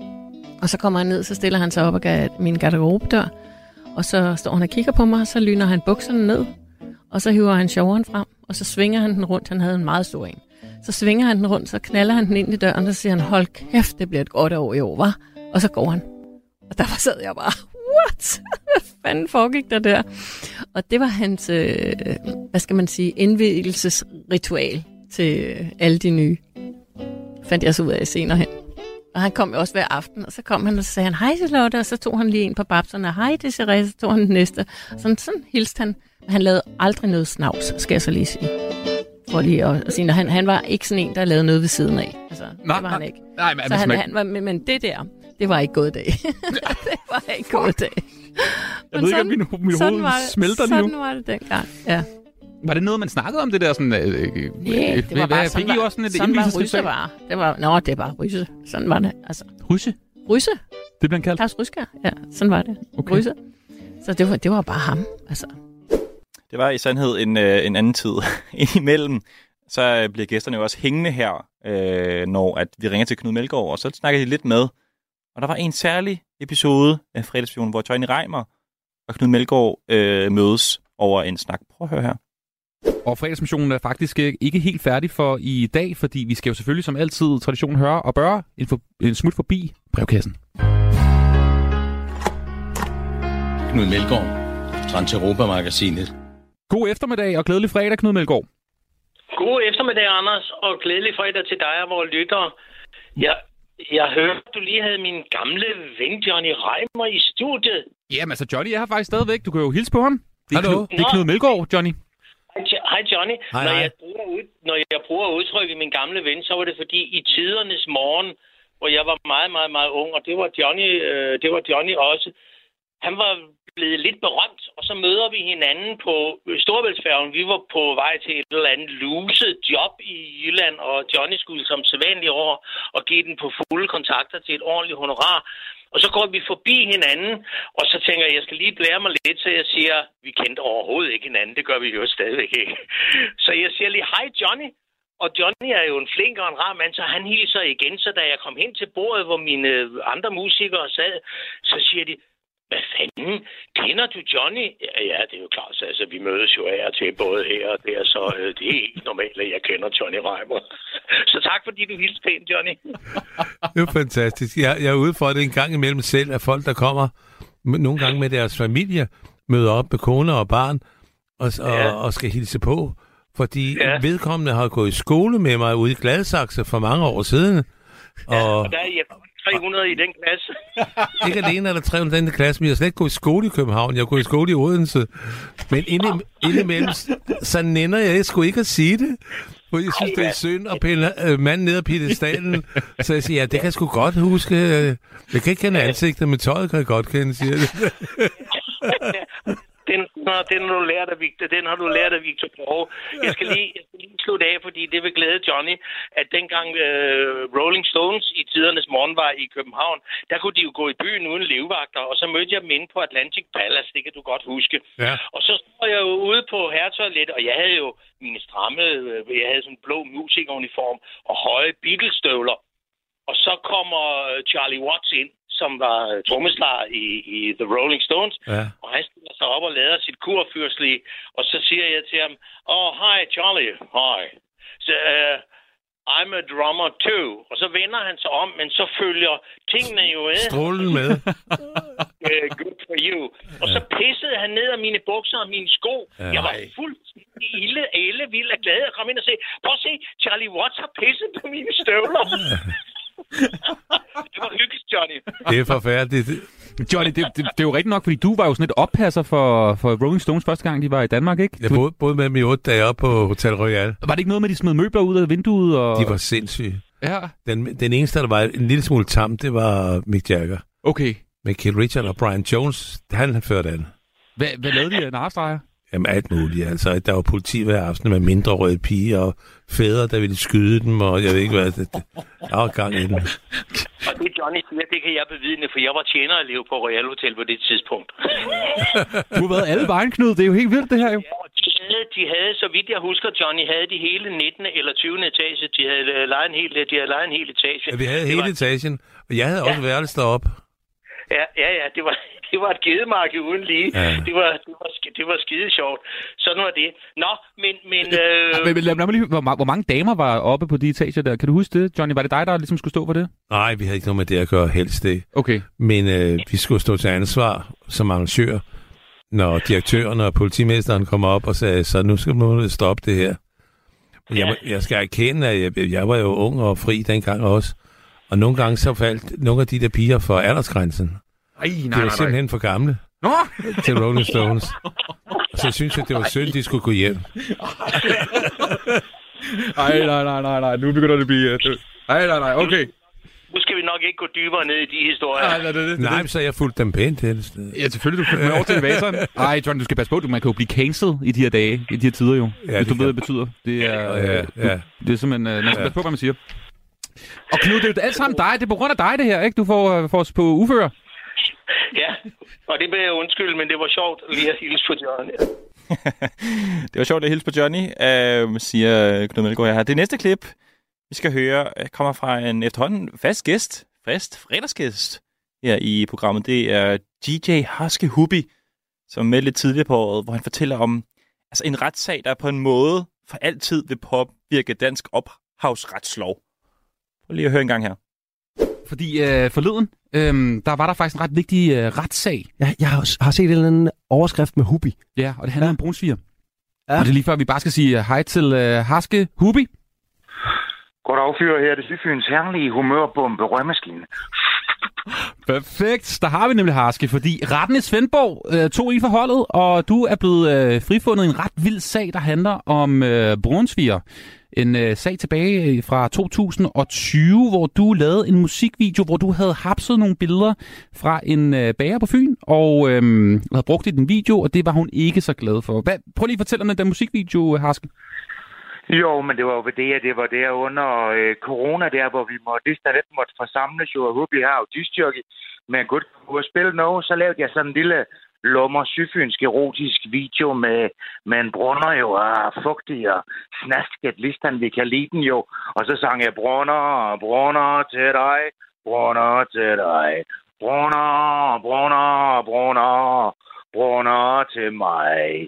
I anledning af, at det var brunnerens dag jo, og det skulle bare være sjov og pis og kedsomhed under corona. Men øh, så var der sgu en, der blev sur. Ja, fordi at det var, det var en, en bager, der simpelthen mente, at øh, du måtte ikke bruge hendes billeder til din musikvideo, og hun krævede en erstatning. Var det sådan noget 4.000 kroner per foto i musikvideoen? Jo, det var det, og det vil sige, det var, at du ved, når man prøver at lave noget sjov, nogle gange virker det, nogle gange virker det et. Det, her, det var sådan en på YouTube, som blev set af 500 mennesker, som jeg egentlig talt glemt alt om den jo. Og så lige pludselig kom hun ind for højre og sagde, at jeg skal bruge øh, 4.000 per bælte. Og sagde, ah, hvad nu lige, skal vi ikke lige, lige være stille og roligt en gang? Måske kunne vi lave en links til en scene, ikke også? Så kunne de bage hendes brunner, og de kunne også mødes og brunnen, bage en brunner sammen, og nej, nej, nej. Jeg skulle bare betale alle de her 1000 kroner, og det skulle jeg bare gøre lige nu med, med det samme, ikke også? Da? Og så var det, så, det, det kan jeg sgu da. Så snakkede jeg med en, der, der var sådan professionel hvad, hvad, er det, fotograf, der fotograferer, hvad hedder det, kager og sådan noget. Han sagde, ah, det er et amatørfoto, hun har lavet. Du kan give en 100 kroner eller noget som helst. Det skulle hun sige gå mellem med her noget af jo. Og så vil jeg jo gerne spørge nogen om råd. Jeg har skudt nogen ævkat. Det var jo Johnny Madsen, der i sin 10 sagde, at hvis du laver sådan et band, så skal du først få dig en ævkat, og så skal du bagefter kan du udvide med bass og trommer. Men det her i HB Jot, jo, så han, han gik jo bare på Twitch. Det var også fordi, vi kunne gå ned på snabelvaskeriet og lige stand få en snak med gutterne, for der var jo forsamlingsforbud, og vi måtte være sammen og nå. Så jeg gik på Twitch, og så spurgte jeg de der fans, hvor vi er derude. Hvad sagde du mellem, skal jeg gøre ved det? Er der nogen, der kender hende? Kan de sige til hende, at hun skal slappe lidt af? Med? Og I skal ikke lave noget her eller sådan noget. Vi skal bare lige have en snak sådan at, at Fynborg driver hårdt af hinanden jo. Så gik hun totalt balalajka. Så var det lidt længere 8.000. Så var det 21.000, så jeg går mellem. Og ja, så vi fik et chirk, chirk, chirk, chirk. Ja, og det endte, så, det endte så altså med, at det var sådan noget 49.000 kroner erstatningskrav fra, fra hende her øh, bageren, som altså var rasende. Hun var sur på dig. Så 40.000 kroner kom okay. op på jo. Okay, sikkert 40, Øh, men det var, det var dommeren så ikke enig med, at det var det, den rigtige pris for et par brunsvigerbælter. Nej, det kan jeg det godt forstå. godt. Og det, er- det, er jo- det, er jo en Det vild, det er jo en vild sag, fordi hvis nu du havde tabt den her sag, Hubi, ikke, så var der jo rigtig mange memesider og ting og sager på internettet, der måske øh, vil, vil miste deres øh, forretningsgrundlag, og muligvis også begynde at skylde en masse penge til øh, fotografer rundt omkring, ikke? Det er rigtigt nok jo. Så vil jagten sætte mellem at gå ind på alle de mennesker, der lægger billeder op hver eneste dag og laver sjov med dem. Men det er ved det, Hubi har jo lært noget, der her. Der er noget, der her, åh, noget, det her ophavsretsloven. Der er en, der er en satireudtale, der er en satireundtagelse i, i ophavsretslovgivningen, og det betyder listand, at hvis man laver en tydelig, sjov modificering af et bælte, og det betyder simpelthen, at man ligger, nu vi har skrevet brunner hen over stjerner og sunket den over, der er pisse lort. Hvis du laver rigtig meget pisse lort for sjov med sådan et bælte der, så må du egentlig tale godt, fordi så er det blevet sit eget værk, så er det, så er det ikke hendes værk længere. Og det betyder så, når folk de går derud og laver sjove ting. Hvis de bare skriver det hen over billedet og skriver det på en, på en sjov måde og gør rigtig meget ud af det, så må de egentlig tale lige så godt. Men de må selvfølgelig ikke, hvis de vil sælge noget. Du kan, mm. jeg, kan, jeg, kan ikke, jeg kan ikke sige, øh, her er et billede af en brunner og prøve at købe harskub for 20 kroner. Så er det jo noget pisse, ikke også? Da? Fordi så er det jo reklamer noget, det kan vi da. Men, men, men man kan godt lave sjov i Danmark, og det er jeg egentlig talt meget glad ved. Det er vi mange, der er glade for. Uh, tusind tak, Harske Hubi, for at tage ind for holdet og, og tage den her retssag hele vejen til retten i, i Svendborg. Hvordan skal det her fejres, øh, Harske? Altså ud over Brunsviger, hvad, hvad er der ellers på, på menuen? Jamen altså, det er jo fredag, og det betyder harske ud. Vi har skal ud på dansgulvet og råbe op med lapperne, lapperne ud at spille. Total i orden musiksmag, smag, røgmaskine. Så håber jeg tager til Fredericia nu og spiller det. I morgen skal jeg til Samsø og spille. Så der er utidig i gang i festen hos den, øh, den utidige skarpeste kniv i skuffen her på DJ-fronten. Fra det Sydfyn. Og Hubi, jeg har faktisk et nummer til dig, som jeg ved, du er glad for. Det her det er jo god gamle Sabrina. Vil du lægge op til hende? Hvad sagde du? Sagde du sa? Sagde du bri? Sagde du na? Sagde du Sabrina med? Boys, boys, boys. Nu får Hubi lidt det, vi i fagsprog kalder akut pack, shop, shop, shop. Sabrinas junger er lige lang. Det er Kogan på Radio 4 som total i orden. Patvær, patvær, patvær. Ej, jeg er så ked af, at jeg skruer skrue ned for øh, Sabrina her, og, og Harske Hubis fantastiske oplæg, men vi er nødt til at komme videre i programmet. Jeg er... Jeg ved ikke, jeg har, man skal ikke sige, at man har nogle yndlings, men en Harske Hubi ligger højt på min liste over faste fredagsgæster her på øh, fredagsmissionen. Utrolig sag jo, og godt den øh, lykkedes for, for Harske. Øh, det næste klip, vi skal høre, det er måske ikke øh, lige for børn, så sidder nogle af dem derude, så kan du passende bede dem øh, forlade lokalet. Vi havde besøg af musikproducer og verdensmand Pilfinger, som har lavet musik øh, for og med nogle af planetens allerstørste stjerner. Her fortæller han om en særlig aften på en stripklub, hvor han øh, næsten gjorde sig meget upopulær hos øh, verdensstjernen Akon. Prøv at høre en gang. Vi bliver lidt i, uh, i stripklubben her. Hvornår har du været mest presset? Da du hoppede ind i studiet med rapperen i 40 og en hundes masse crips bandetyper efter en lang flyrejse? eller dengang du blitzede Akon og en stripper på Secret Sunday i Atlanta med blitz fra din telefon, da der var gang i et eller andet? Og ja, ja, ej, okay. Det var, øh, jeg tror, jeg var mest presset på den sidste. Det var, jeg, var i, øh, jeg var i studiet med Akon, og øh, hvad hedder det? ja, og så skulle vi, øh, så på klokken 1, altså vi var startet ved en 3-4-tiden øh, i studiet, og så klokken 1 om natten, så siger han, we need some fresh air, siger han. og så er sådan lidt, øh, okay, og så øh, kø- kørte vi til en stripklub, og hans bodyguards var med. Øh, Hvordan kører Akon til en stripklub? Øh, ret hurtigt. Ja. Øh, hvad hedder den? Han McLaren øh, Mercedes. Så hans, øh, hans øh, største mission, det var at stikke af fra sine øh, bodyguards. Det er skørt at have hyret bodyguards, bare for at lege øh, øh, politi og røver med dem. Altså, øh, altså helt skørt. Så vi stod inde på en stripklub der, og et kæmpe, kæmpe stort sted. Det var nemlig ikke et af de turistede steder, og jeg stod sådan og gemte mig lidt bagved, fordi jeg sådan lidt, mm, okay, jeg vil, jeg vil faktisk bare, eller bare, bare tilbage i studiet. Altså, fordi jeg var sådan, hey, vi er i studiet med ikke, ikke det var sygt. Øhm, og så, øh, ja, og så, så stod jeg sådan og gemte mig lidt, og så, øh, han står lidt længere frem, vi står oppe ved DJ-pulten, sådan VIP-område, og det er lavet ligesom et halvbal. Forestil dig, at det er et stort halv. Ud af det, så går der en, en, en, sådan et snake pit ud, så der er ligesom en lang løber ud, der er hævet over folk, så man ligesom kan gå ud ligesom et, et modeshow. Så går de ud, og så står DJ'en deroppe og siger, oh, this is bla bla bla, Taniqua, well, Katrina, du ved, så og, øh, nævner han dem, og så går de ud af den der bro der, og men vi stod op øh, bag, ved pulten og sådan noget, hvor der var et par sofaer og sådan noget. Så, nå, så lige pludselig så står der en, en, en øh, kvinde foran Akon med en meget, meget stor numse. Mm. Og øh, den er faktisk så stor, at hendes, sådan, hendes partytræk, hedder det det? Ja, det Øh, er, er, er, er at tage en, øh, altså at, at, ligesom at twerke, men, men samtidig med, at hun har en liter vodka mellem ballerne. altså i flaske. Hun kan lade flasken stå mellem sine baller, og så kan jeg make that ass clap, du ved ikke? Og jeg var stå sådan, det der, det er for sindssygt. Og samtidig med, at jeg lige... Og Hvor er Akon? Hvor er Akon henne? Jamen, Akon står lige øh, sådan, øh, øh, bag ved hende. Okay. Og hun står en meter, hun står selvfølgelig for lige at få hendes attention, fordi der er jo, der er jo piger overalt omkring ham, fordi de kan jo lukke penge med det samme. Øh, og, øh, og så, så, så, så, tænker jeg, ej, ved du hvad, jeg bliver simpelthen nødt til at have et billede. Eller jeg bliver nødt til lige at filme lidt af det her. Så med det tager jeg min telefon frem, og så filmer, og udover det, så er jeg jo også bare sådan, jeg, jeg hører, man kan se, at jeg slet ikke passer ind, du ved, det her sted. Og jeg står helt oppe ad væggen, helt sådan, og jeg prøver bare at gemme mig og kravle lidt med tapetet. Så tager jeg min telefon op, og så trykker jeg på video, og så på en eller anden måde, så går den på sådan noget autoblitz, så siger det bare slask, så kommer der bare lys ud. og jeg var sådan, åh nej, åh nej, åh nej. Men så heldigvis, så de altså, Akon og hans øh, homie, der, de grinede bare og sådan noget. Øh, og, og hvad var det så, de sagde til dig? Var det ikke noget med... Nej. Så kom det nogle penge, ikke? jo, Eller? jo, jo, jo, det er fordi Akon siger, han, you want some of this, siger han så. Så siger, så siger jeg, I'm good, siger jeg så. Ja, det er helt okay. Det var det ikke. Og så siger han, øh, så hans homie, han har en homie, som hedder, øh, hans, sådan, hans højre hånd hedder T-Money, sjovt nok. Øh, men, øh, men så, så øh, mens jeg bare står der, så kommer T-Money, så kommer han ind, og så giver han mig bare racks. Altså et rack, det er jo sådan et bunder af penge. Altså det var fuldstændig Olsen-banden-agtigt. Så han gav mig sådan, sådan, at jeg måtte sådan tage begge mine arme, sådan vuggeagtigt, og så stablede de mig bare med penge. Og så var jeg Hvor mange, sådan- penge, hvor mange penge var det der? jeg aner det ikke, men der, der kan godt have været et sted mellem... Ja, altså, der kunne sagtens have været 10.000 dollars. Altså, sagtens. Øh, og så tænker jeg, så sagde jeg til min ven, hvad skal jeg gøre med alle de her penge? Så han, altså hvis du gerne vil tilbage til studiet, så skal du bruge dem hurtigst muligt. Og så begyndte jeg bare at kaste de der penge rundt, og så, så, og, så og, og, og, og det samme gjorde Akon også. Og så lige så stod vi jo der i sådan et i sådan en pengeregn. Altså det var helt, altså det er så absurd. Øh, så hele det der gulv, hvor der stod måske øh, 1.500 mennesker, hvor stripperne skulle gå ud, der var ikke nogen stripper, de var gået i kø op, ja, op til mig Akon, jo, som stod og kastede penge. Altså det var sådan, det var en fed oplevelse. Det var meget sådan atypisk for Lasse fra, fra Bandholm nede på Lolland at skulle stå der og gøre det med. Altså jeg var sådan lidt, okay, jamen, så tager vi det med. så, Okay, øh, vi, vi, vi, ja, for ja, vi, vi, vi går videre. Det er øh, måske de mere ekstravagante øh, momenter i fredagsmissionen. Pilfinger, der står og kaster Øh, med, 10.000 dollars sædler, eller ikke 10.000 dollars, men sædler til en samlet værdi 10.000 dollars på en stripklub i Miami, sammen med, med, med verdensstjernen Akon. Er ret vild historie.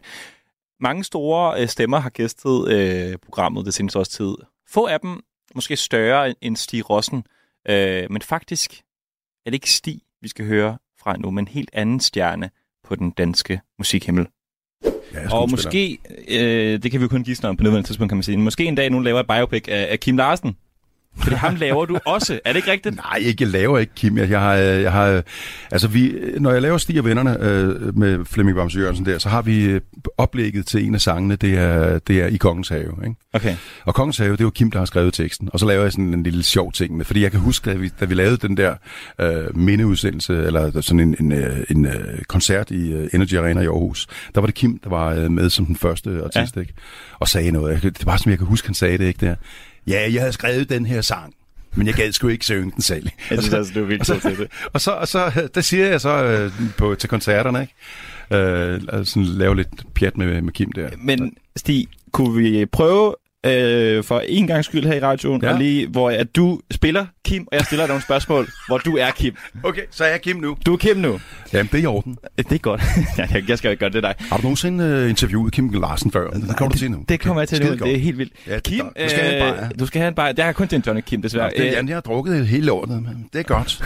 Kim, der er jo Ja. Smukfest i de her dage. En festival, jeg ved, Ja. du også har spillet på mange gange. Ja. Øh, Hvorfor er Smukfest et helt særligt sted at spille? Nej, men det er det, fordi øh, det er skønt at stå derovre i, øh, i bøgeskoven, ikke? og der er ikke øh, store øh, billeder af Tuborg på siderne. Altså, det er...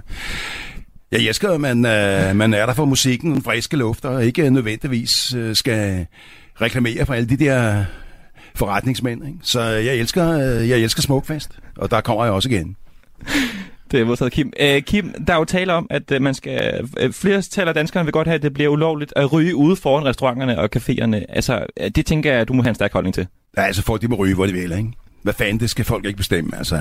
Hvad, øh, Det, øh, hvis vi også begyndte at, hvis vi også begyndte at sige, at uh, politikerne ikke skulle uh, drikke deres, deres forpulede rødvin derhjemme lørdag aften, altså det er jo ikke noget med det at gøre. Altså hvis, hvis folk de vil betale for det, og de vil uh, slå sig selv ihjel, så lad dem der gøre det. Altså det skal, skal jo ikke lave regler om alt muligt. Noget. Altså jeg ryger fandme, hvor jeg vil. Det, ikke, det håber jeg også, at I andre gør.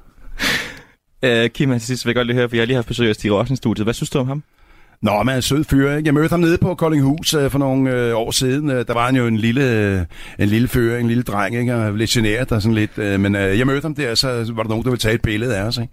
Og så siger, så siger jeg, Stig, det er der nogen, der lige kan tage min øl, for jeg gider ikke blive fotograferet med en øl. Så tog jeg den sgu ikke. Jeg dækkede selvfølgelig, det var en tuborg, så jeg dækkede øh, etiketten, ikke? Men øh, så fik vi taget den der, øh, ja, hvad fanden altså, men han, er jo, han skal jo passe på sit image, ikke? Han er sådan en sød dreng, ikke? Og han skal passe på, at de der svigermøder og møder, de synes, han er, han er sådan en rigtig musical øh, frikadelle, det er altså sød og sådan noget, ikke? Men øh, han sgu god nok, han er en fin fyr. Du lytter til fredagsmissionen på Radio 4. Nu har vi sagt farvel til, til Kim, øh, og tilbage er Stig Fred Rossen. Det er Fred, fantastisk. ja, ja, Han er bare en skøn fyr. Jeg må bare sige, jeg interviewede Stig den dag, jeg var blown away af den her imitation, han kunne lave af Kim Larsen. Hvis man lige, altså hvis man lukker øjnene, jeg stod jo og kiggede på Stig, hvis man lukker øjnene, så, så kunne det lige så godt have været Kim, jeg havde talt med. Øhm, I sidste uge, der var Danmarks måske mest ikoniske stuntmand forbi studiet. Øh, det var jo et program, som var springfyldt med de vildeste anekdoter. Og jeg har faktisk taget to med, for jeg synes, det var så crazy et program. Øh, det første, vi skal høre, det er historien om dengang, nemlig en Lasse Spang Olsen næsten døde, da han skulle lave stunts for julekalenderen Nissebanden. Prøv at høre her engang. Du har været stuntkoordinator på Nissebanden. Hvad ja. var der stunts der? Ja, det, der var faktisk mange. Ja. Øh, men, men den, der gik mest galt, det var luftballonstunt, hvor jeg skulle være nissepigen Puk, som ligesom når at kravle op ad sådan en ripstige, inden de flyver til Grønland eller et eller andet sted. Og jeg ville skide gerne prøve at flyve luftballoner. Jeg virkelig glæde mig til det. Men så var det rigtig stormvejr den dag, øh, og jeg vidste ikke om luftballoner. Øh, og så kravlede jeg op i den her ripstige, og da jeg kravler ind i kurven, så kan jeg godt se, at kæft mand, vi er kommet højt op, mand. Vi var virkelig kommet hurtigt højt op. Og så kunne jeg se, at der var fuldstændig panik. Det var så nogle stand-ins, der var op. Der, der, det var virkelig en ballonskiber og hans kone, der, der ligesom var de andre nisser op i ballonen. Og jeg havde forventet sådan øh, godt klaret, eller et eller andet. De var helt fuldstændig ligeglade med mig. De var bare fuld gang, fordi det viste sig, at gasflasken var gået ud. Og når en gasflaske går ud i en varm luftballon, så lander den. Problem. Øh, Ja, det er jo egentlig godt nok. Den skal jo ned igen, men problemet var, at den var ved at lande i en transformatorstation. Ah.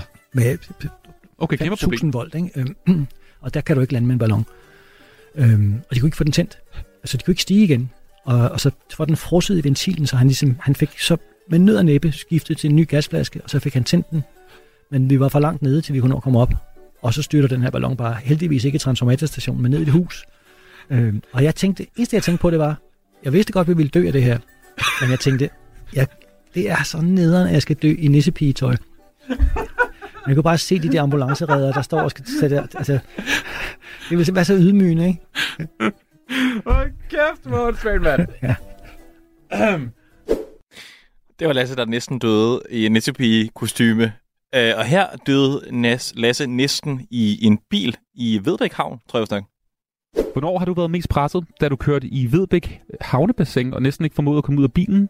Eller da tigertæmmeren Unik brækkede dine fingre på Napoleons gamle fort under optagelserne til Fangerne på fortet? Jeg tror, jeg var så øh, beruset på fangerne på fortet, at det, det rørte mig egentlig ikke så meget. Men det der med ikke at kunne komme ud af en bil, der er under vandet, det var ubehageligt. Okay, der, der er lige to ting. Du var, du var stiv på Fangerne på fortet? Ja, det må man nok sige. H- Hvad? Altså, der er ikke nogen som helst grund til at medvirke i det lorteprogram, hvis ikke du på en eller anden måde har en fest med det samtidig. Og Hvor, det, hvor er baren henne på fortet? Jamen, den, altså, der er, man bor ret godt, mens man er der. Så var der sammen med Thomas Rode, som får på det tidspunkt havde næsten lige haft Kong Hans restaurant, så han, de fik jo alt deres østers og, og champagne og alt muligt, lige præcis for det område, hvor man optager fangerne på fortet. Man, man bor jo ikke ude på det der lille dumme fort, så man bor inde i land, så vi ydede den af øh, med hans venner, når vi var der. Øh, I den tid, vi var der, og så havde vi jo ting med ud. Øh, man, man er jo kun på sådan ind imellem. Resten af tiden sidder du og glor et eller andet sted. Ved tv-produktionen godt det her? At, øh, Det tror jeg, de er ligeglade med. Ja. Okay. Ja. Bare, du, bare du stiller dig op. Øhm. Det der med at køre i øh, havet, i øh, havnen, eller hvor man nu kan komme ud over ud for det. Jeg tænker faktisk altid på det, når jeg kører over Storebæltsbroen. Ikke? Ja. Øhm, det er jo sindssygt farligt, selvfølgelig det der med impact, men det er jo faktisk det farligste er jo, at du skal folde dig fuldstændig ro, når din bil synker. Ja. Fordi jeg kan faktisk huske en gang, at du har lavet et tv-program, tror jeg, hvor du, hvor du ligesom viser, hvad man skal gøre. Du skal... Det, det, det var det, hvor det gik galt. Ja, kan du ikke lige prøve at fortælle, hvad, Jo, men hvad man skal gøre, hvis man kører i havnen? Det var sådan et program, der handlede om netop sådan, hvad, hvad gør man, hvis der sker den værste slags katastrofe, og vi prøvede alt muligt forskelligt. Og ingen af de ting, vi troede, vi skulle forklare, viste sig at holde stik. Fordi de ting, man ligesom kan læse sig til, som vi selvfølgelig gik ud fra var rigtige, som vi så ville vise, det var forkert. Mythbusters havde lige lavet det her med at køre en bil i vandet. Og der sker det, når du kører en bil i vandet, at der ret hurtigt, hvis ikke du meget, meget hurtigt er ude af døren, eller har åbne vinduer. For det første bliver strømmen selvfølgelig afbrudt, så elruder kan du ikke køre ned. Så hvis nu du kører med lukkede ruder, hvor man gør om vinteren, og lukkede døre, så kan du ikke åbne noget. Fordi trykket inde i bilen er et andet end trykket udefra, og det vil sige, når jeg kører i vandet i Vedbæk Havn, så trykker hele Øresund på min bildør udefra. Og Selvom jeg synes, at jeg kan lån på på næve, så kan jeg ikke kæmpe imod hele Øresund. Jeg kan ikke løfte. Jeg skal simpelthen ikke presse døren op. Det, man bliver nødt til at vente på, det er, at bilen langsomt er blevet fyldt lige så meget op med vand indeni, som den er udenpå. Så kan du lukke døren op. Og det bliver man nødt til at have is i maven nok til at sidde og vente på. Og det går overraskende langsomt faktisk. Øh, men det, går, altså, det er med det samme, du ikke kan lukke døren op. Så sidder du bare og venter. Og det vidste vi godt ville ske. Og det var Danmarks Radio det her, så de sagde, vi må gerne lave det, hvis du har øh, otte pionerdykker, altså redningsdykker fra brandvæsenet, lige uden for bilen. Mm. Så havde jeg aftalt, at øh, hvis jeg ikke kunne gå åbne døren af en eller anden grund, så skulle jeg lave sådan et, øh, et tegn, hånd hen over strobetegn. Og så havde jeg også taget en hammer med derinde, ikke? Øh, så jeg kunne slå ruden i stykker selv. Og så øh, kørte vi vandet, og så sad jeg og ventede derinde og snakkede til kameraet, og kommer mere og mere vand ind i den her bil. Og så til sidst, så nu er det bare med at holde vejret, for nu er der ikke... Rup, så er bilen helt fyldt med vand, og så synker den ned på bunden. Bonk! Og man kan intet se i Vedbæk Havn. Der er helt fuldstændig plummer. Jeg kunne bare mærke, bum, nu landede den på bunden.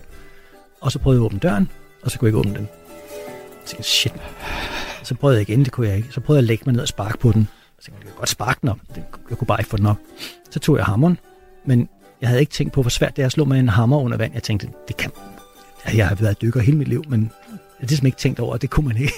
Jeg fik ikke, jeg kunne ikke slå hul på den, fordi vandet er jo bag ved ruden. Det vil sige, det, du får ikke det samme impact på hammeren, som du ville få, hvis der var luft bagved. Kan man ikke sådan stikke med den? Eller kan man... der, er jo, der, der er jo ligesom sådan en dyne af vand på den anden side, der holder igen. Ja. Så det, den går ikke i stykker. Øhm, og så tænkte jeg, okay, nu skal jeg bare ud. Og så lavede jeg det der hånd hen over struben. Og så lagde jeg mig ned på sædet, for nu ville den der store hammer komme fra de der pionerdykker, og så ville de trække mig ud. Der kom bare ikke noget. og så lavede jeg det igen tegnet lagde mig ned. Jeg kunne se, der var en lygte udenfor. Der skete ikke noget. Og så begyndte jeg at gå i panik. Det var jo i december måned, ikke? og det var iskoldt vandet. Hvorfor gør I det også i december? Det var også åndssvagt. I det hele taget var det åndssvagt. Men så ender det med, at jeg er nogen, der skramler ved døren, og så begynder jeg at sparke på den indenfra, og der er nogen, der hiver udefra, og så til sidst så går den op. Og så var det fotografen. Nej. Han, øh, fordi der var sket det, at vi var kørt i vandet, og så ligger den jo der i meget, meget lang tid i overfladen. Dykkerne ligger ved siden af, og fotografen holder fast i bilens antenne og ligger og filmer. Og så pludselig synker den. Men den synker ikke nedad. Den, en bil den, fordi den er spids ligesom, den gik øh, måske 12 meter fremad, før den ramte havbunden et helt andet sted. Dykkerne gik jo bare lodret ned, og der var ingen sigtbarhed. Så ingen af de otte dykkere kunne finde mig. For jeg, jeg var jo ikke der. Nej, nej. Og den eneste, der var, han havde heldigvis kun lytte nok til at holde fast i antennen, fotografen, så han var blevet trukket med. Og han kunne jo se, at jeg havde problemer, så smed han kameraet og hjalp mig med at komme ud. Og så tænkte vi, okay, det, det er jo nok ikke det, vi skal forklare folk, at du bare skal sidde og vente i bilen. Det skal man ikke. Nej. Så, så tænkte lad os prøve igen, sagde vi så. Så prøver vi så, om man kan egentlig nå at komme ud, inden, altså lige, lige med det samme. Du har jo sikkerhedsbælte på og alt muligt, ikke? Ja. Så kørte vi den i vandet igen. Og så prøvede jeg lige så snart den ramte havoverfladen at åbne døren. Og jeg kunne lige præcis få døren sådan åbnet, øh, men så kunne jeg ikke få døren længere. Så døren åbnede sådan 20 cm eller sådan noget. Men det har jo så det resultat, at der kommer enormt meget vand ind. Og så tipper bilen. Så med en 20 cm åben dør, der tipper bilen så og har døren nedad og ryger lige ned på bunden. Så den landede ligesom oven på den her dør, jeg var på vej ud af. Så at bilen landede oven på mine ben, som sad fast i sikkerhedsbæltet. Så jeg kunne ikke komme ud. Der måtte fotografen så igen hjælpe med at hive mig ud. Hvad, gør, hvad, hvad er så øh, rådet? Hvis Lad, du lad være med at køre i vandet. Altså vidderligt, lad være med at køre i vandet. Øhm, What? Efter det her, der, der, der, der, der blev jeg faktisk rigtig nervøs, også fordi der er så mange steder i Danmark, fordi vi er omgivet af vand. Ja. Der er virkelig mange steder, hvor du kan køre i vandet. Og du skal bare ikke gøre det. Det kan være, at man skal nå lige præcis i det, man kører ud over, så lige kører vinduet ned. Det er ja, det? Jamen, jamen, men, men det det, kan det man holder jo op, hvis, det, hvis ikke det kører det helt ned, så kan du jo ikke komme ud af det. Så kommer der bare enormt meget vand ind, meget hurtigere. Ja. Du skal ikke køre i vandet.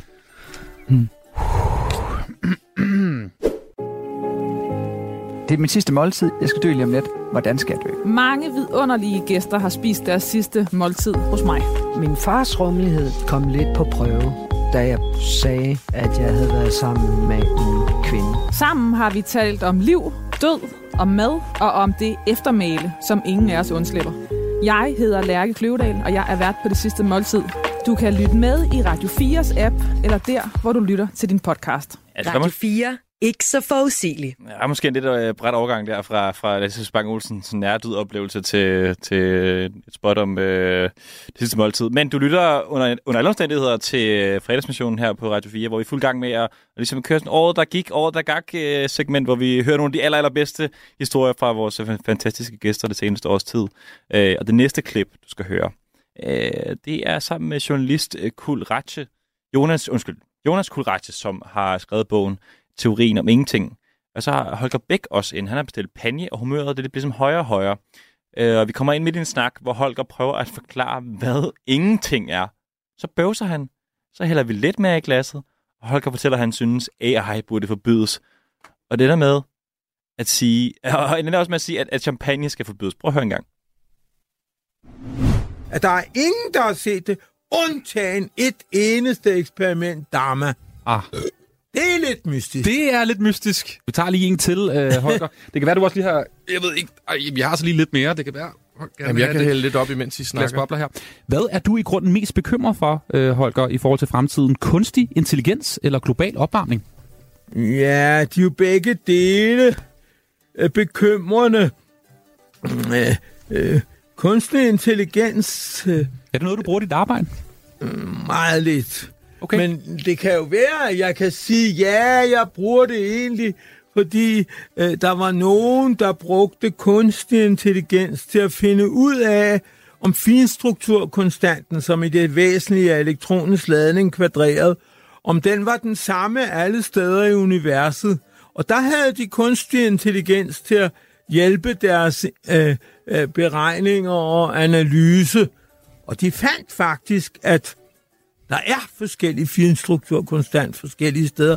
Så det er måske en meget mere øh, stor sensation, hvis den var rigtig, men det er kun fire standard afvielser. Øh, men jeg er meget bekymret i virkeligheden for det hele, og min egen lille kongstanke vil nok gå på det der, at vi burde have en meget større forskningsaktivitet med hensyn til forskning, der prøver at få alle disse nye opfindelser forbudt. Okay. Så som for eksempel oplagt øh, øh, denne her kunstig intelligens. Men der var mange, mange ting, som man kunne håbe på, man havde fået forbudt, for mange år siden. Så jeg tror, det er allerhøjeste tidspunkt, at man får, får lavet øh, en, en, nogle institutioner og nogle love, sådan at vi kan få, få lavet en stor forskningsaktivitet til at få noget forbudt.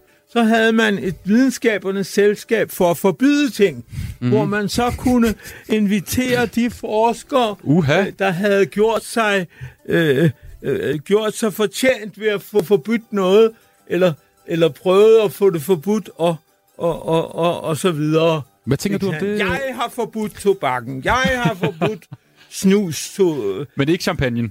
Hvad? Ikke champagne, den skal vi ikke forbyde. Det tror jeg, vi skal. Øh, øh,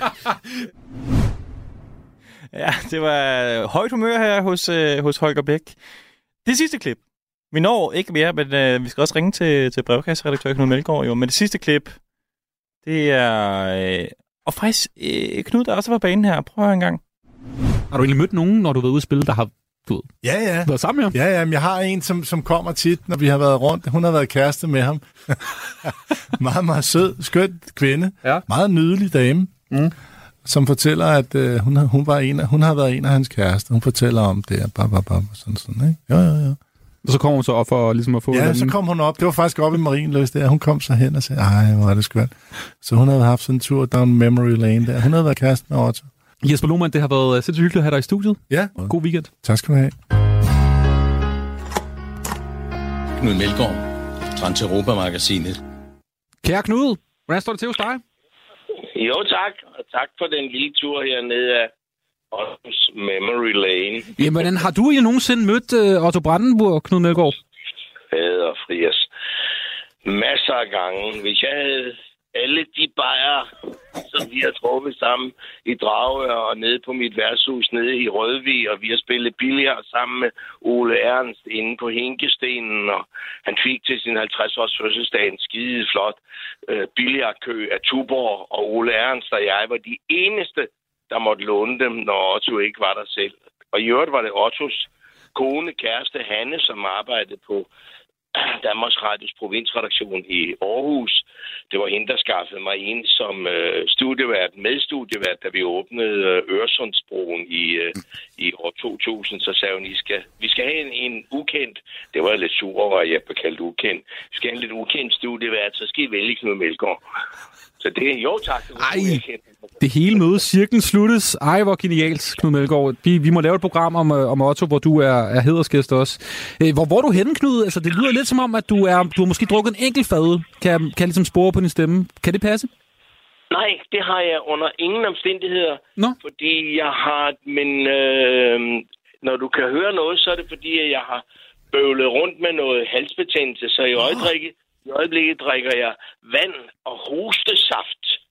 Ja. Så øh, jeg har ikke... Du ved, når jeg, når jeg er lidt halskvattig, som jeg er i øjeblikket, så... Øh, så siger spiritus mig ikke noget, og det, og det er gudskelov sjældent.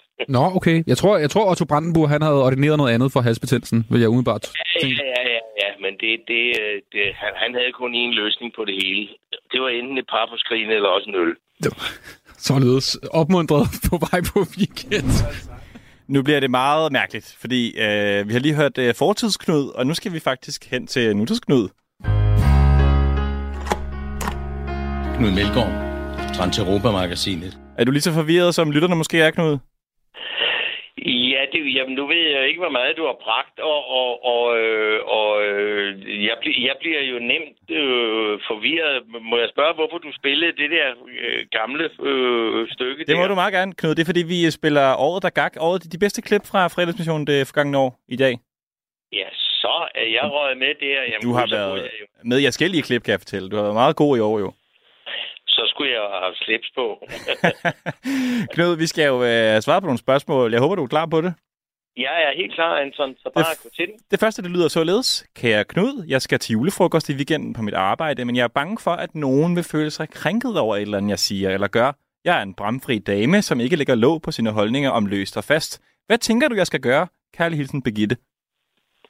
Svaret er nemt. Hold din kæft. Og det kan hun selvfølgelig ikke.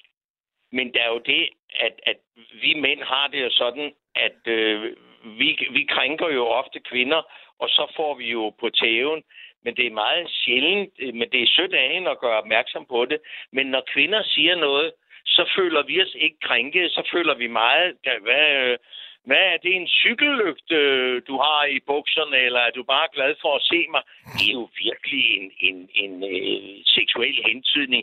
Men jeg bliver jo stolt, hvis der er en dame. Hvis jeg sagde noget, noget tilsvarende til en kvinde, så vil jeg jo få på nakken.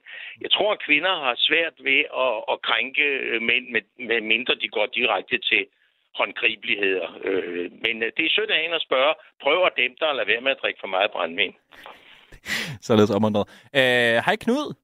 Hvad skal jeg gå med i aften? Den røde velurkjole eller læderbuksen? Venlig hilsen, Sanne. Det kommer sgu da an på, hvor Sande skal hen. Hun skal i byen, Altså- formoder jeg. Jeg ved det ikke. Nej, nej, nej, men altså, øh, det, men spørgsmålet er jo godt, men det handler jo om, hvem skal du være sammen med, og, og hvor skal I hen? Skal I et eller andet sted hen og spise, sådan der bare er, er et rimeligt sted, og det ene eller andet, og så ud og, og, og stå lidt på hovedet og fejre, så er det da lederbukserne, men så risikerer man jo også nok at få et par hentydninger, særligt hvis hun fylder dem godt ud. Men er det sådan lidt pænere, hvor der er voksne mennesker, øh, meget voksne mennesker, så er, ah, nu er jeg ikke så vild med velure, men øh, hun skal tænke sig om, spørg en veninde, Skal hun måske helt holde sig fra den røde velurkjole? Er den et? Ja, ja men det, nu skal jeg passe på med, hvad jeg siger, for jeg er ikke så, jeg er ikke så vild med, med velure. Det er noget, man øh, betrækker gamle lænestol med, ikke? Så, så, så jeg, jeg er ikke så vild med, jeg er meget, det vil jeg ikke citeres for, jeg håber ikke, der er nogen, der hører, hvad jeg siger nu. Ikke men jeg nogen, er kun meget lederbukser. Næste dilemma, Knud, det lyder sådan her. Hej med dig, Knud. Vi er to drenge, som har et nytårsdilemma. Vi skal være sammen med nogle af vores venner fra vores gymnasieklasse, men den ene person, som holder festen, vil have, at der kommer flere gæster end os otte, som er inviteret. Vi vil gerne til en anden fest, hvor der kommer flere, men vi har sagt ja til vores ven allerede. Kan vi tillade os at melde afbud nu? Det er jo kun nytår én gang om året. Hilsen fra de to anonyme. Ja, ja det, kan, det kan de da. Altså, hvis der er lavet en aftale om, at man skal være otte, så er man ligesom, så er man ligesom opsat på det.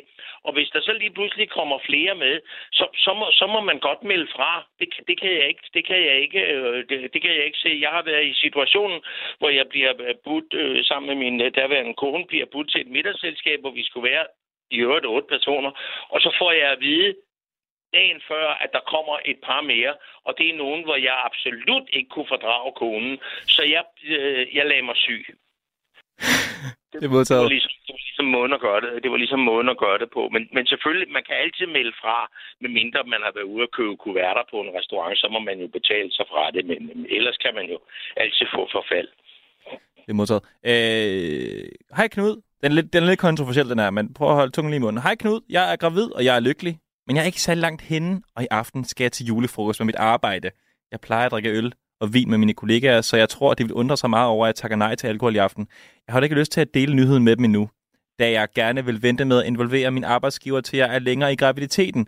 Hvilken undskyldning skal jeg bruge, eller skal jeg være ærlig? Jeg synes, hun skal være ærlig og, og lade bomben øh, springe.